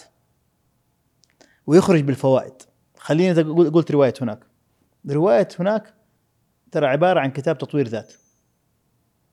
رواية هناك أحرق شوية. رواية هناك تحكي عن شخصية اسمها حسام دخل في مراحل مختلفة لتطوير نفسه ب ب- تحت إشراف جهابذة كل مجال. راح لدافنشي عشان يعلم الكرياتيفيتي راح لبيتهوفن عشان يعلم التناغم. راح لبروسلي عشان يعلم القدرات البدنية والتحدي والصبر. راح راح راح. اللي اشترى رواية هناك هو اشتراها عشان إيش؟ يستمتع عشان ينبسط عشان روايه اللي بعد ما يقرأ رواية هناك صارت تجيني ردود الأفعال إيش تقول؟ والله أنا بعد ما قريت في رواية هناك صرت كذا كذا كذا وتجيني اقتباسات. أحلامنا إن لم نحققها فنحن لا نستحقها. أفكارك إن لم تكتبها فقد تعلموا أشياء. منهج. صح ولا؟ الفرق بيني وبين الراهب الذي باع سيارته الفراري هو إنه أنا ما قلت خمس خمسة دروس حياتية لتطوير مهاراتك الإبداعية والفنية والهذا تحت بإسقاطات على دافنشي وبيتهوفن وبروسلي ما كتبت كذا صحيح. هذا هذا يعني أنا كمان بنتقي مثال آه، extreme في في أمثلة ثانية؟ لا الهدف من القصة لا من افتكر برضو من أحد أشهر آه، كتب تطوير الذات هو من الذي حرك قطعة الجمل جبن إيه. هو قصة فار و... أيوه وفي قصة في النهاية. بس هذا labeled هذا branded هذا مؤطر إنه كتاب تطوير ذات. فاللي حياخذه هو عارف إنه هذا الكتاب والله قصة حلوة جميلة آه، بس أخذها عشان أبغى أطور نفسي. طيب لو كان نفسه الكتاب مو من الذي حرك قطعه الجملة الخاصة به كان آه، كيف تطور نفسك في في المآ- في وت- وإيجاد فن إيجاد الحلول في المآزق العملية لو كان اسمه كذا. ما كان باع. يمكن وكان تأثيره أقل على اللي اشتروه. صح؟ هذا بس هذا تأكيد لموضوع انه القصة. بس أنا أحيانا الرواية كلها من أولها لآخرها الفوائد اللي باخذها منها الحياتية والفلسفية والمشاعرية وال ترى ممكن يكون في رواية. أديك أقول لك حاجة؟ خل- خليني أروج نفسي. يلا. لو جيت قلت لي أنا أبغى أبغى ولدي يتعامل بشكل كويس مع أمه أو أبغى بنتي تفهم المشاكل العاطفية اللي ممكن تواجهها في علاقة جديدة. طيب مثلا بقول أي كلام. أو أبغى ولد الصغير يس- يستوعب عالم الجن بشكل آه، ملموس أكثر ويكون ترفع عنده الحس الإيماني. حقول له كل واحد فيهم أقرأ حوجن هذا حيستفيد من علاقة حوجن بأمه. وهذا حيستفيد من المصايب اللي صارت لسوسن بسبب, اللي حصل لها. وهذا حيصير عنده استشعار الغيبيات أكثر صح ولا؟ أنا ممكن أشيل كلمة حوجة وأقول الت- التعامل الرائع مع الوالدة والتفاني في هذا وأخذ من حوجن اختصره واخليه بس العلاقة بين حوجن وأمه. وأقول هذا كتاب تطوير ذات عشان يظبط العلاقة مع الوالدة. صح؟ فالقصص وفي قصص من أول صفحة لاخر صفحة أنا فقط استمتعت. ما استفدت ولا معلومة ولا خطأ بس استمتعت. هل المتعة عيب ولا ولا قيمة غير يعني ما هي بغير ذاتها لا لا قيمة رهيب أنت كقارئ تفضل تقرأ كتب أنا لست ولا- لست بقارئ. أوه. دائما نحرج من السؤال هذا. كنت قارئ نهم؟ مع الانشغال في الوقت صار استمتاعي بالكتابة أكثر بكثير من استمتاعي بالقراءة. فصرت يا عمي أنا عندي ساعتين فاضي أقرأ قصة أستمتع بها؟ لا أخلق قصة وأستمتع بها أكثر. فأنت تقرأ كتابات أو تقرأ وتكتب في نفس اللحظة تقريبا. أعيش أتلبس بالعالم عالم الجن يعني أدخل أغصب نفسي إني أتحول لشخص آخر وأفتح الباب وأخش العالم هذا وأستمتع فيه. الشخص اللي اليوم يبغى يصير كاتب إيش ممكن تقول له؟ كاتب روائي بالتحديد يعني. ما في واحد المفروض فلسفتها كثير بس أعتقد إنه يكون عندي هدف أصير كاتب زي بالضبط ودائما أقول هدف أصير حريف بلاي ستيشن مثلا. هل في واحد كذا يصحى يقول والله أنا عندي هدف إني أصير حريف بلاي حريف بلاي ستيشن خليني أتعلم كيف تصبح حريف بلاي ستيشن أو تصبح حريف بلوت. هي كلها متعة شخصية ذاتية. فالكاتب حيصير كاتب صح؟ هي تجي. ما- ما- حيكتب. بعدين كيف يطور نفسه ككاتب؟ هذا هذا سؤال مختلف تماما. لكن اللي ما عنده متعة إنه هو يجلس والأفكار اللي في راسه يحطها ويأطرها في كلام حلو يرجع يقراها ويستمتع به هو بنفسه حتى لو ما حد سمعه هذا هذا بالنسبة له زي اللي يغصب ولده لازم تتعلم بيانو عشان تصير عازف بيانو يكون أصعب عليه من اللي أذنه موسيقية وحسه موسيقي ويقعد يطقطق ويطلع مع شيء بعدين يتعلم يسوي شيء طب الشخص اللي بيبي يكتب روايته الأولى خلينا نقول بيدخل هذا. بس أنا راح آه، أديك طيب. الجواب اللي هو كيف تصبح كاتبا في 12 خطوة هذا سبع خطوات. سبع خطوات تصبح أعظم لتصبح لتنافس جورج آر آر مارتن. آه، ودائما يقول دائما يقول أحمد مشرف أحمد مشرف هو آه، من الناس وأنا استفدت منه وأخذت منه هذه ال- ال- الحتة. يعني وداني قرفني لين ما قريت الكم كتاب اللي قال اللي قال لي عليهم إنه كيف أحول الكتابة إلى روتين. إذا ما صارت روتين وأنا أتفق معاه في هذه النقطة 100% الفرق ما بين إنك تكتب وإنك تصير كاتب منتج هو في حتة الروتين هذه. طيب؟ أول شيء لا تكتب إذا ما كنت بتستمتع. لا تغصب نفسك. طيب؟ إذا أنت ما بتستمتع بالكتابة ولا الكاراتيه ولا البلاي ستيشن ولا الآلة الموسيقية ولا هذا يعني ما لها ما له داعي إنك أنت تحاول تغصب نفسك إنك تصير كاتب. ففي البدايه حط على هذه إشارة صح. والله أنا استمتعت. كتبت لي عشر صفحات انبسطت بيها واستمتعت بكتابتها وعشت التجربة هذه. واصل. من هنا لهنا نركب مستر أحمد منشي في النص. أحمد آه، آسف أحمد مشرف. أنا لخبط بينه وبين صاحبي أحمد مشرف نركب أحمد مشرف في النص. الكتابة عشان تصير كتابة إنتاجية لازم تتحول لروتين الروتين يساوي عدد كلمات على زمن. خلاص. وأنت حر. دخلت الهندسة أنت أيوه أيوه خلاص عدد كلمات على زمن. أنا لما أكون في ماراثون كتابي 2000 كلمة في الأسبوع. خلاص. وكل screenplay كل رواية كتبتها وكل نص سينمائي كتبته وكل نص وحوجن graphic novel كتبت له نص. كلها دخلت الماكينة هذه. تعال أنا اليوم في شهر January أبغى أخلصها في end of April كم أسبوع؟ كذا كذا أسبوع 10 أسابيع مثلا. كم كلمة أبغى تكون؟ 20 ألف كلمة. okay؟ معناته 2000 كلمة في الأسبوع. 20000 قسمة 10 يساوي 2000 كلمة في الأسبوع. وأصير عيني دائما وأنا بشتغل على عدد الكلمات. ال count ها عديت. آه ما عديت ألسع نفسي. لأن أنت قصرت تأخرت.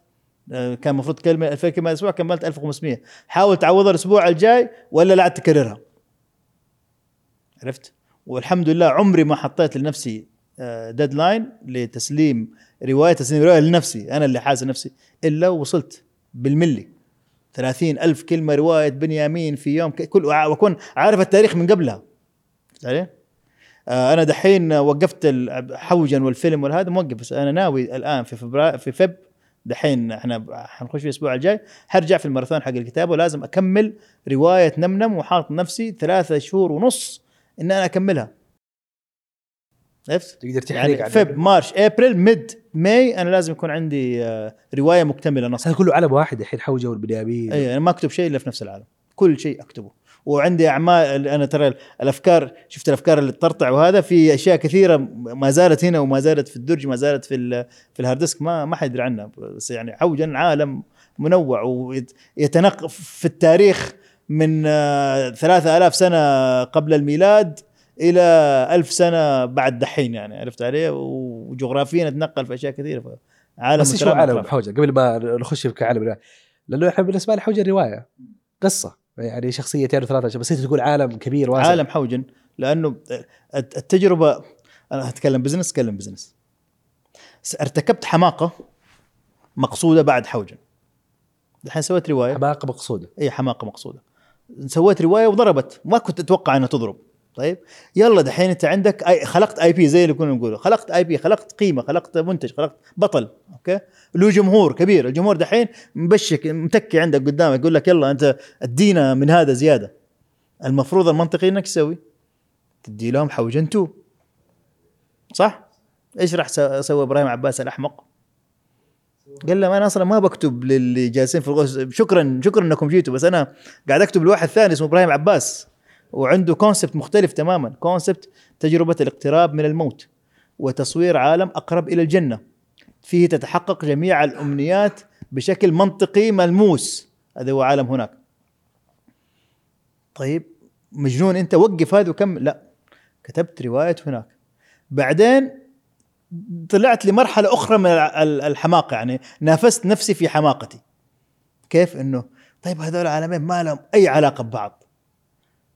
امم كيف أقدر تخيل هذه اللذة هنا تعرف creative director جمع المتناقضات. هذا عالم وهذا عالم تقدر تجمعهم يا يا إبراهيم؟ والله تحدي رهيب. وركبت حطيت ربطة بسيطة. ورحت سويت رواية بنيامين وجمعت شخصيات حوجن وشخصيات هناك مع بعض في رواية بنيامين. وبشكل يعني كنت حاطط يدي على قلب أنا بيني وبين نفسي مبسوط وما يهمني آراء الناس بس كنت حاطط يدي على قلب إنه ممكن الجمهور يتأفف يقول آه خذلتنا جبت لنا. فصار في عندنا حوج team حوجن team هناك team بنيامين جمع team حوجن و team هناك كلهم. ما في أحد قال لا أنا كانت عجبتني حوجن بس بنيامين آه، إيش بك خبصتها ولا هناك أنا جبت. نجحت في هذه التجربة. إيش حصل بعد هذا النجاح؟ أدمنت هذا هذه الحماقة. قلت أنا كل تجربة جديدة لازم تكون متصلة منفصلة. أسوي عالم جديد ما له علاقة بس أحرص إنه يكون في رابط. وقت ما تصنف لي أسوي رواية تجمعها وما لها أي داعي تجاري. تجاريا كلها رعونة وحماقة وتجارب يعني غير محسوبة ال- النتائج. ولكن سويتها. فأنا دحين قاعد أكتب رواية نمنم. رواية نمنم تقع في نفس العالم. المتمغنطون اللي هي جحا والجاحظ وأشعب وبالعربي الفصيح وما لها علاقة وفي بقاع الدنيا. بنيامين يظهر فيها في النهايه رابطها حاطه حاطه الروابط هذه.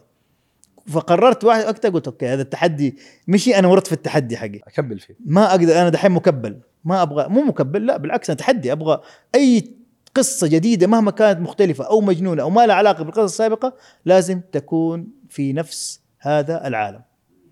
ووقت ما أبغى أتجنن أربطها وأجيب الشخصيات مع بعض أقدر اجيبها هذا ما شاء الله level level الوحش على قول أو level الاحتراف ما لا، داخليا والله. أنا قاعد أتوحش مع نفسي و... وأجلد في الشخص نفسي. اللي وأنا أتوقع كثير مننا يمر بمواقف شخصية. وجزء من الروايات اللي يكتبها إنه هو حدث شخصي مر بقضية معينة أو هم شخصي حول الرواية. يعني خلينا نقول اليوم لو كذا لو تأخذ يعني أنا شخص ما لي اي قلت لك هي الرواية الروايتين الوحيدة اللي قرأتها حوجا وهناك. آه لكن ما بتكتب أنا ما رواية. قرأت أكثر منك. أي آه. أنا قرأت يمكن بس يبون عشر, أربعة. عشر روايات وأنا بس صغيرة. أوه، ما شاء الله. روايات. مصرية الجيب كنت أقرأها بس يعني كرواية رواية يعني مصطفى محمود وأنا مرة صغير رجل تحت الصفر والعنكبوت. وبعدين الدكتور يعني فكرة إنه لازم. الكاتب يكون قارئ نهم و ما أعرف يمكن. ما ما, ما لست أنا أنا أنا أنا أنا باحث نهم ماني قارئ نهم. يعني. ببحث كثير ملقوف. دائما أدور على جوجل معلومة وتبحث. و- إيه. آه تأخذ توبيك؟ و... إيه، ب... أو لا، قضية أو ق- سؤال. قضيه قضية أو سؤال أو فقرة أو هذا. وشغوف بالعلم هذا يمكن وليس والشغل كمان زود عندي لياقة البحث لأنه كل قضية لازم أبحثها وأشربها. أنا اليوم لازم أشرب قضية عن هذا المنتج وعن هذا الشيء الحالة وعن هذا الم- الموضوع وهكذا. ف فلو أنا شخص لو أنا شخص أبغى أكتب رواية عن شخص عانى في الجامعة مثلا. واحد عامه بجامعه بيك ما لا نحدد خلاص عانى في الجامعة الله يستر عليه واقول يعني تفاصيل ولا؟ لكن كيف كيف أقدر كيف أقدر أحكي قصة؟ وأنا أتوقع ما أدري هل هذه نصيحة أصلا أنا أشوفها منطقية بس الشخص اللي بيكتب رواية لأنه الرواية فيها قدرة على الخيال. إذا لا عنده خيال حوجنا الخيال البعيد اللي ما لا يمس بواقعك بصله بس أنا أتوقع الشخص اللي قد يكون الراوي المبتدئ ممكن النصيحة أحسها المنطقية إنه أكتب رواية من شخصيات ومن عالم أنت تقدر تتخيله أو أنت تعيشه بالفعل. بس خلينا نرجع لسؤالي إنه ما هي الخطوات لكتابة روايتي الأولى؟ بس سؤالك هذا مرة مرة مهم آه لو آه، كم رواية تخيل أنت تبغى تكتب رواية من واقعك ومن اللي أنت عشته حتكتب الرواية الأولى عن الطالب الجامعي الذي عانى في مش عارف آه، والرواية الثانية عن الذي فتح بزنس آه، بودكاست ومش عارف إيش والرواية الثالثة عن الذي بحث عن زوجته المناسبه صح ولا تعرف في النهاية صار صار- صار- صارت في النهاية الروايات عبارة عن يوميات. آه، أهم مهارة في آه، في الرواية بعد المهارة الإبداعية أو ممكن قبلها هي مهارة التشبع بالموضوع وبالشخوص. أنت مستحيل تكتب باسم شخص إلا لو أنت كنت هذا الشخص. شفت ضربت مثال حلو. فإذا أنت ما ما أنت ناوي تكتب رواية عن طالب الجامعة لهذا لا تبغى تكتب رواية عن عامل في محطة قطار في الحرب العالمية الأولى. إيش لازم تسوي؟ لازم تتحول إلى عامل في محطة قطار في الحرب العالمية الأولى. معناته لازم تأخذ كمية من المدخلات والمعطيات والبحث وال- والتغذية الذهنية والبصرية والعاطفية لدرجة تخليك توسوس إنك ممكن فعلا تكون هذا العالم هذا هذا الشخص. طيب لما تكون في روايتك 20 شخصية. الله أنا وقتي في الكتابة ما كان يروح آه، كتابة. أنا الوقت اللي قضيته وأنا أتعلم عن دافنشي وأتعلم عن بيتهوفن وأنا اتعلم على عن بروسلي أوكي؟ وأنا اتعلم على كريستوفر نولان وباتمان وأنا أتعلم على جو ناجاي وجريندايزر هذه الشخصيات اللي كانت مسخورة في رواية هناك. الوقت اللي قضيته وأنا أتفرج material وأشوف وأدرس وأحيانا أحاول أتهيأ وأحارب وأضارب بنفسي عشان أشوف الانفعالات أكثر بكثير من الوقت اللي قضيته وأنا الف الرواية. لأنه ما أقدر أنا أكتب على لسان كذا برضو مهدي ساسر قال لي أنا رواية آه، آه، يقطيني. يقطينيا قلت له كم أخذت منك؟ قال لي ست سنوات بحث ست شهور كتابة. مم. أو بديهي جدا. بديهي جدا. بس مو مو شرط دائما تكون المدة مرة طويلة. ترى أنت أحيانا أنا أقدر في- أسبوع مثلا هذا الأسبوع خلاص أنا تحولت إلى عامل القطار. هذا مثلا في الحرب العالمية الأولى. بس سوي سوي so أجتهد في إنك انت لأنك ما حتستمتع. أنا في النهاية لو ما قشعر بدني وأنا أكتب المشهد حق د- بيتهوفن وأنا حاس فعلا بانفعال عارف إنه هو عصبي وحيوان وكان يلطش في اللي حوالينه وتخيلت موقف بينه وبين واحدة من اللي يعزف الكمانجات وق- وقرفان منها وقرفانة منه. تعرف شفت Whiplash الفيلم؟ لا. آه فيلم مرة رهيب عن drummer. مرة فرحت بمشهد كأنه cut and paste من مشهد في رواية هناك. انفعالات هذا اللي بيعلم موسيقى وأخذ عليه الأوسكار أيام الممثل ناس اسمه. أخذ الأوسكار. انفعالات هذا هذا الشخص في band ومو عارف رحت شفت اللي, اللي كسبته في بيتهوفن. وأخذته ك case وقعدت أعلم بناتي أقول لهم شوفوا كيف كتبت مشهد شوفوا شوفوا الفيلم هذا. ليش؟ لأن خلاص أنا تشربت صر- صرت كاني كان مو كأني بحاول أمثل دور بيتهوفن. حاسس إنه أنا بيتهوفن اللي بكتب أنا حاسس إنه أنا كارول ولا حاسس إنه الجاحظ وحاسس ان أنا. هذه هذه أصعب مهارة وألذ مهارة. لأنه هذه اللي هي لما توصل لها المرحلة هذه هي فعلا تستمتع بالتحول هذا النفسي. يعني تجربة نفسية رهيبة. إنك أنت في صفحة واحدة تتنقل بين ثلاث أربع شخصيات كل شخصيه أنت حافظه وعارف يمين. تكلم نفس أنت تجننت. تكلم نفسك بكذا شخصية وأنت مقتنع إنك أنت هذه الشخصية. واللي ما يوصل لهذه ترى الرواية اللي هو قم قالت له وقال لها وذهبت وتالف أحداث وتألف حكايات.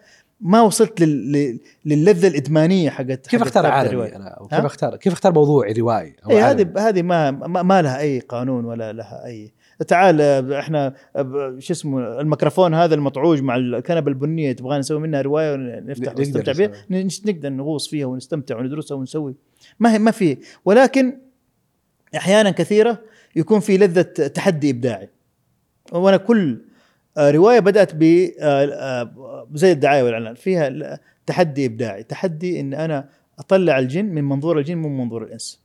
أخلي اللي يقرأ الرواية يحس نفسه في ينفجع في النص. هو صار عايش مشاعرهم وشايف وبيطقطق على الإنس من من هذه هذا الهدف تبدأ بالتحدي الابداعي هذه فلسفتك في إيه، هذه تحدي ابداع هذه فلسفة لازم يكون في تحدي إبداعي. لازم يكون grounded شيء شيء زي ما قلنا في البداية خيالي جدا منطقي ومصدق جدا جدا. أوكي؟ والباقي والباقي بحث وتحصيل حاصل. ال ال ال هناك.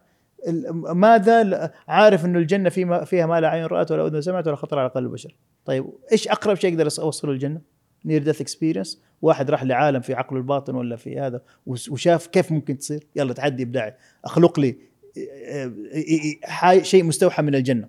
مثلا تحدي ابداعي. التحدي الابداعي حقت بنيامين تعال أضرب لي العالمين العجيبين هذول كلهم في بعض. التحدي الابداعي في المتمغنطون إيش؟ التحدي الابداعي في المتمغنطون كان في شقين. شق ردا على اللي مو عجبتهم اللهجة في حوجن إنه الحوارات كانت باللهجة العامية أو الجداوية تحديدا أوكي؟ ال- الراوي حوجن بالعربية الفصحى القرشيه ال- الحوارات بالعامية لأنه لازم تكون منطقية لازم تكون حقيقية. ناس بيتكلموا عايش أنا أنا ش... أنا أنا سوسن وأنا حوجن طيب؟ ما بقول له أين ذهبت يا حوجن؟ لقد انتظرتك كثيرا يا حوجن. فينك حوجن؟ مستنيتك من من أمس. عرفت عليه ما حتكون صادق. ففي ناس انتقدوها قمت إيش تسوي؟ قلت لهم طيب أنا أجيب لكم رواية الراوي فيها والشخصيات فيها عربية فصيحة مو بس عربية فصيحة بل وأكثر شخصية تتحدث العربية الفصحى ببلاغة لم يسبق لها مؤسس علم البلاغة الجاحظ. تبغوا إيش تبغوا؟ إيش تبغوا مني؟ تعال يلا كذا. هي عناد عرف عناد بيني وبين نفسي سيبك من الناس ما فرقوا بس إنه هل تقدر تسوي؟ أنا الجاحظ كنت أقرأ له أوصل لمرحله أقول يا أخي كيف جابها؟ يا أخي كيف جابها؟ عارف وأحيانا أقرأ له ديباج حدثنا فلان عن فلان عن فلان لكن يوصل في حتة يقول يبدع. قلت له أنا أبغى هذه اللي كيف جابها أبغى أسوي بها رواية كاملة. هذا التحدي الإبداعي حق الأساسي في المتمغنطون. وبعدين في تحدي ثاني إنه كيف نتخيل العصر الحاضر من منظور ناس من العصر من القرن الثامن الميلادي فكل رواية لها خط إبداعي وبعدين البقية بحث وتحصيل حاصل وتركيبات على تركيبات لين ما يصير شيء متكامل. هذه فلسفة. عقدتها على الناس لا بالعكس والله. يعني اختيار العالم هذا شيء كذا يحصل ب بس دائما في كذا في دائما أقدر أطلع معك لسنصير 10 ثواني وأقول لك التحدي الابداعي حق كل رواية. أنا سويت هذه كذا كذا الرواية الجديدة الرواية الجديدة حاليا بكتب أنا نمنم. نمنم هي جتني فكرتها من أو أو اللي بلفني خلينا نقول هو أيمن خوجة صاحبي وحبيبي وأرسل له تحية. جاء قال لي تعال سوينا رواية عن الجن وهذا إيش رأيك نسوي فيلم عن نمنم أو مسلسل عن النمنم. طبعا هو من الثقافة المكاوية هو مكاوي وهو بالنسبة له التحدي الإبداعي إنه نطلع شيء من تراثنا ونحوله لعمل درامي طيب؟ أنا في البداية ما استهوتني الفكرة لأنه ما كان تحدي إبداعي من التحديات الإبداعية حقي يعني اللي اللي من النوعيه بعدين قلت لا سويها twist كيف أخل أحول نمنم من أسطورة إلى حقيقة ملموسة grounded مؤصلة وكمان أسوي فيه زي ما سويت في الجن. أخليه شخصية مو بس أؤمن بيها وأصدقها أتعاطف معاها وممكن أحبها. النمنم بالمناسبة واكل لحوم البشر في آه دحين صار تحدي لذيذ. يلا تعال ورينك بدع يا تحدي إبراهيمي كذا. أيوه صار تحدي إبراهيمي. وكتبت وكتبت نص سينمائي مع أيمن ومع ياسر الياسر و... وكتبت رواية وناوي يعني إن شاء الله تنزل مع بعض يعني. فتعيش التحديات سواء في كتابة روايات أو في عملك إيه يعني عملك قائم على هذا ينحل ويتحول العالم وأنا أصير لابس الشخصيات. خلاص قمة المتعة. الين ما أكتب النهاية؟ أرتاح كذا وأخذ أنفاس خلصت الحرب. واطالع في التحدي أقول آه في إيش إيش في تحدي ثاني في الطريق؟ عرفت؟ أدور على التحدي اللي بعده. جميل، فأنت تعيش تحدياتك في العمل من خلال آه، إنك تعالج مشاكل العملاء بحلول إبداعية. نعم. وفي نفس الوقت تكتب رواياتك يعني هذا كيف تجمع بين الخيال والواقع؟ فكرة رهيبة. طلع فكرة رهيبة وتكتبها وتسوي منها 3000 كم؟ 30000 كلمة. 30000 كلمة. هذا يعني ممكن نلخصه تحت عبارة أن أمتع الناس رسالتي امتاع الناس بالقصص. نعم. صحيح؟ صحيح. هذه رسالتي للناس للجمهور بس رسالتي الداخلية هي هي خوض التحديات هذه. جميل. خلينا يمكن اخر سؤال في بالك وشكرا على الرحلة والقصة هذه. ويعني جزء من عملك هو الخيال وسؤال شخصي بس أنا الناس اللي مؤمن دائما آه، بالرؤية. فأنت تشوف نفسك مهنيا في 2030 متقاعد. أكتب. اقعد فلسف لك. أين ترى نفسك؟ آه آه شوف أنا أقول لك آه، أعتقد ال ال الهدف المهني المشترك عند كل الموظفين والممتهنين والانتربرنورز اللي في كوكب الأرض تقريبا ما أبغى اعمم إنه يكون آه وصل لمرحلة من الاكتفاء المادي اللي تمكنه من ممارسة شغفه فقط أو ما يمتعه فقط. طيب؟ ممكن اللي تمت اللي يمتعك يكون يدخلك فلوس.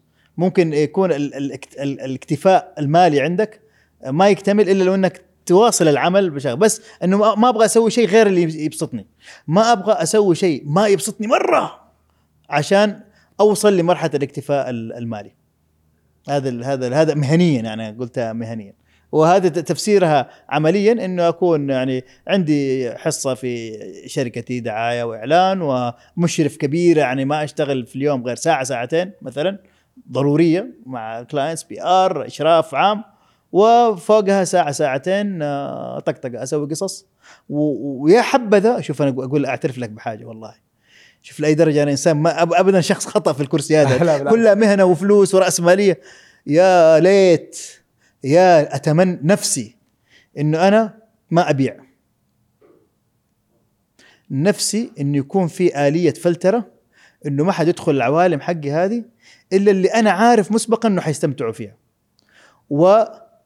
واكراما لهم أديهم هي ببلاش ما أبغى فلوس منه. لأنه اللي أنا بآخذه في المقابل أعلى عندي بمليون مرة من كم مبيعات 45 ريال 22 ريال ونص حقت هذا طباعة 10 ريال أهم عندي مليون مرة. نفسي يكون في آلية فلتر إنه ما يخشوا عوالمي هذه إلا الناس اللي أنا عارف مسبقا إنه حيستمتعوا بيها عشان ما يضيع وقته ولا يضيع فلوسه. وأصير أنا عايش بينهم وأصير أخلق لهم المزيد. وعايش جو في الملاهي هذه اللي في ال في ال universes هذه ونستمتع و ويكون عندي آه، فلوس لا نهائية أقدر أ- أ- أتبحر في خلق المزيد. يعني تبغوا فيلم؟ ميزانية الفيلم كم؟ 20 مليون. والله ما حد يدفع ريال. أنتج لكم هي. تفضلوا. هذا فيلم هذا عندي. فيلم جديد. إيه. فيلمكم عندي وحتجلسوا وحتعيشوا تجربة ما نفس الشيء بقول لك عليه. الإمتاع بالقصص. يكون عندي كذا هذه طبعا هذا شطحت أنا في الخيال يعني. بس بس هذا هذا اللي نفسي يصير. هذا الطموح المهني هذا الطموح. مو- حتى مو طموح طموح حياتي يعني. إن أنا أقدر أخلق بلا حدود أخلق كل شيء نفسي أخلقه وأعطيه بلا حدود للناس اللي أنا عارف إنهم رايحين يستمتعوا به عرفت؟ وأفلتر كل ال- الاعتبارات ال- ال- المادية وكل المخاوف من الناس اللي ممكن ما يكونوا جمهور مستهدف ولا ما يستمتعوا ولا يكون ربع مستمتع وعاصر نفسه أنا ما أبغاهم. إن شاء الله ما يعني إن شاء الله يلاقوا أشياء تمتعهم أكثر في مكان آخر الله يعطيك العافية الله يعافيك شكرا على وقتك الله يسلمك آخر سؤال أنت ما شاء الله شريك وكاتب ومدير إبداعي و... بس لو حتختار كلمة واحدة توصف بها نفسك مهنيا إيش حتكون؟ انت أحب الأسئلة لا انت أنت قول آه. آه. باحث عن المتعة ولا إيش رأيك براسك؟ الشخص آه. الشخص باعث للمتعة القصصية يا سلام هذا الدور. باعث باعث للمتعة القصصية. الله يعطيك العافية. الله يسعدك شكراً. الله يسلمك.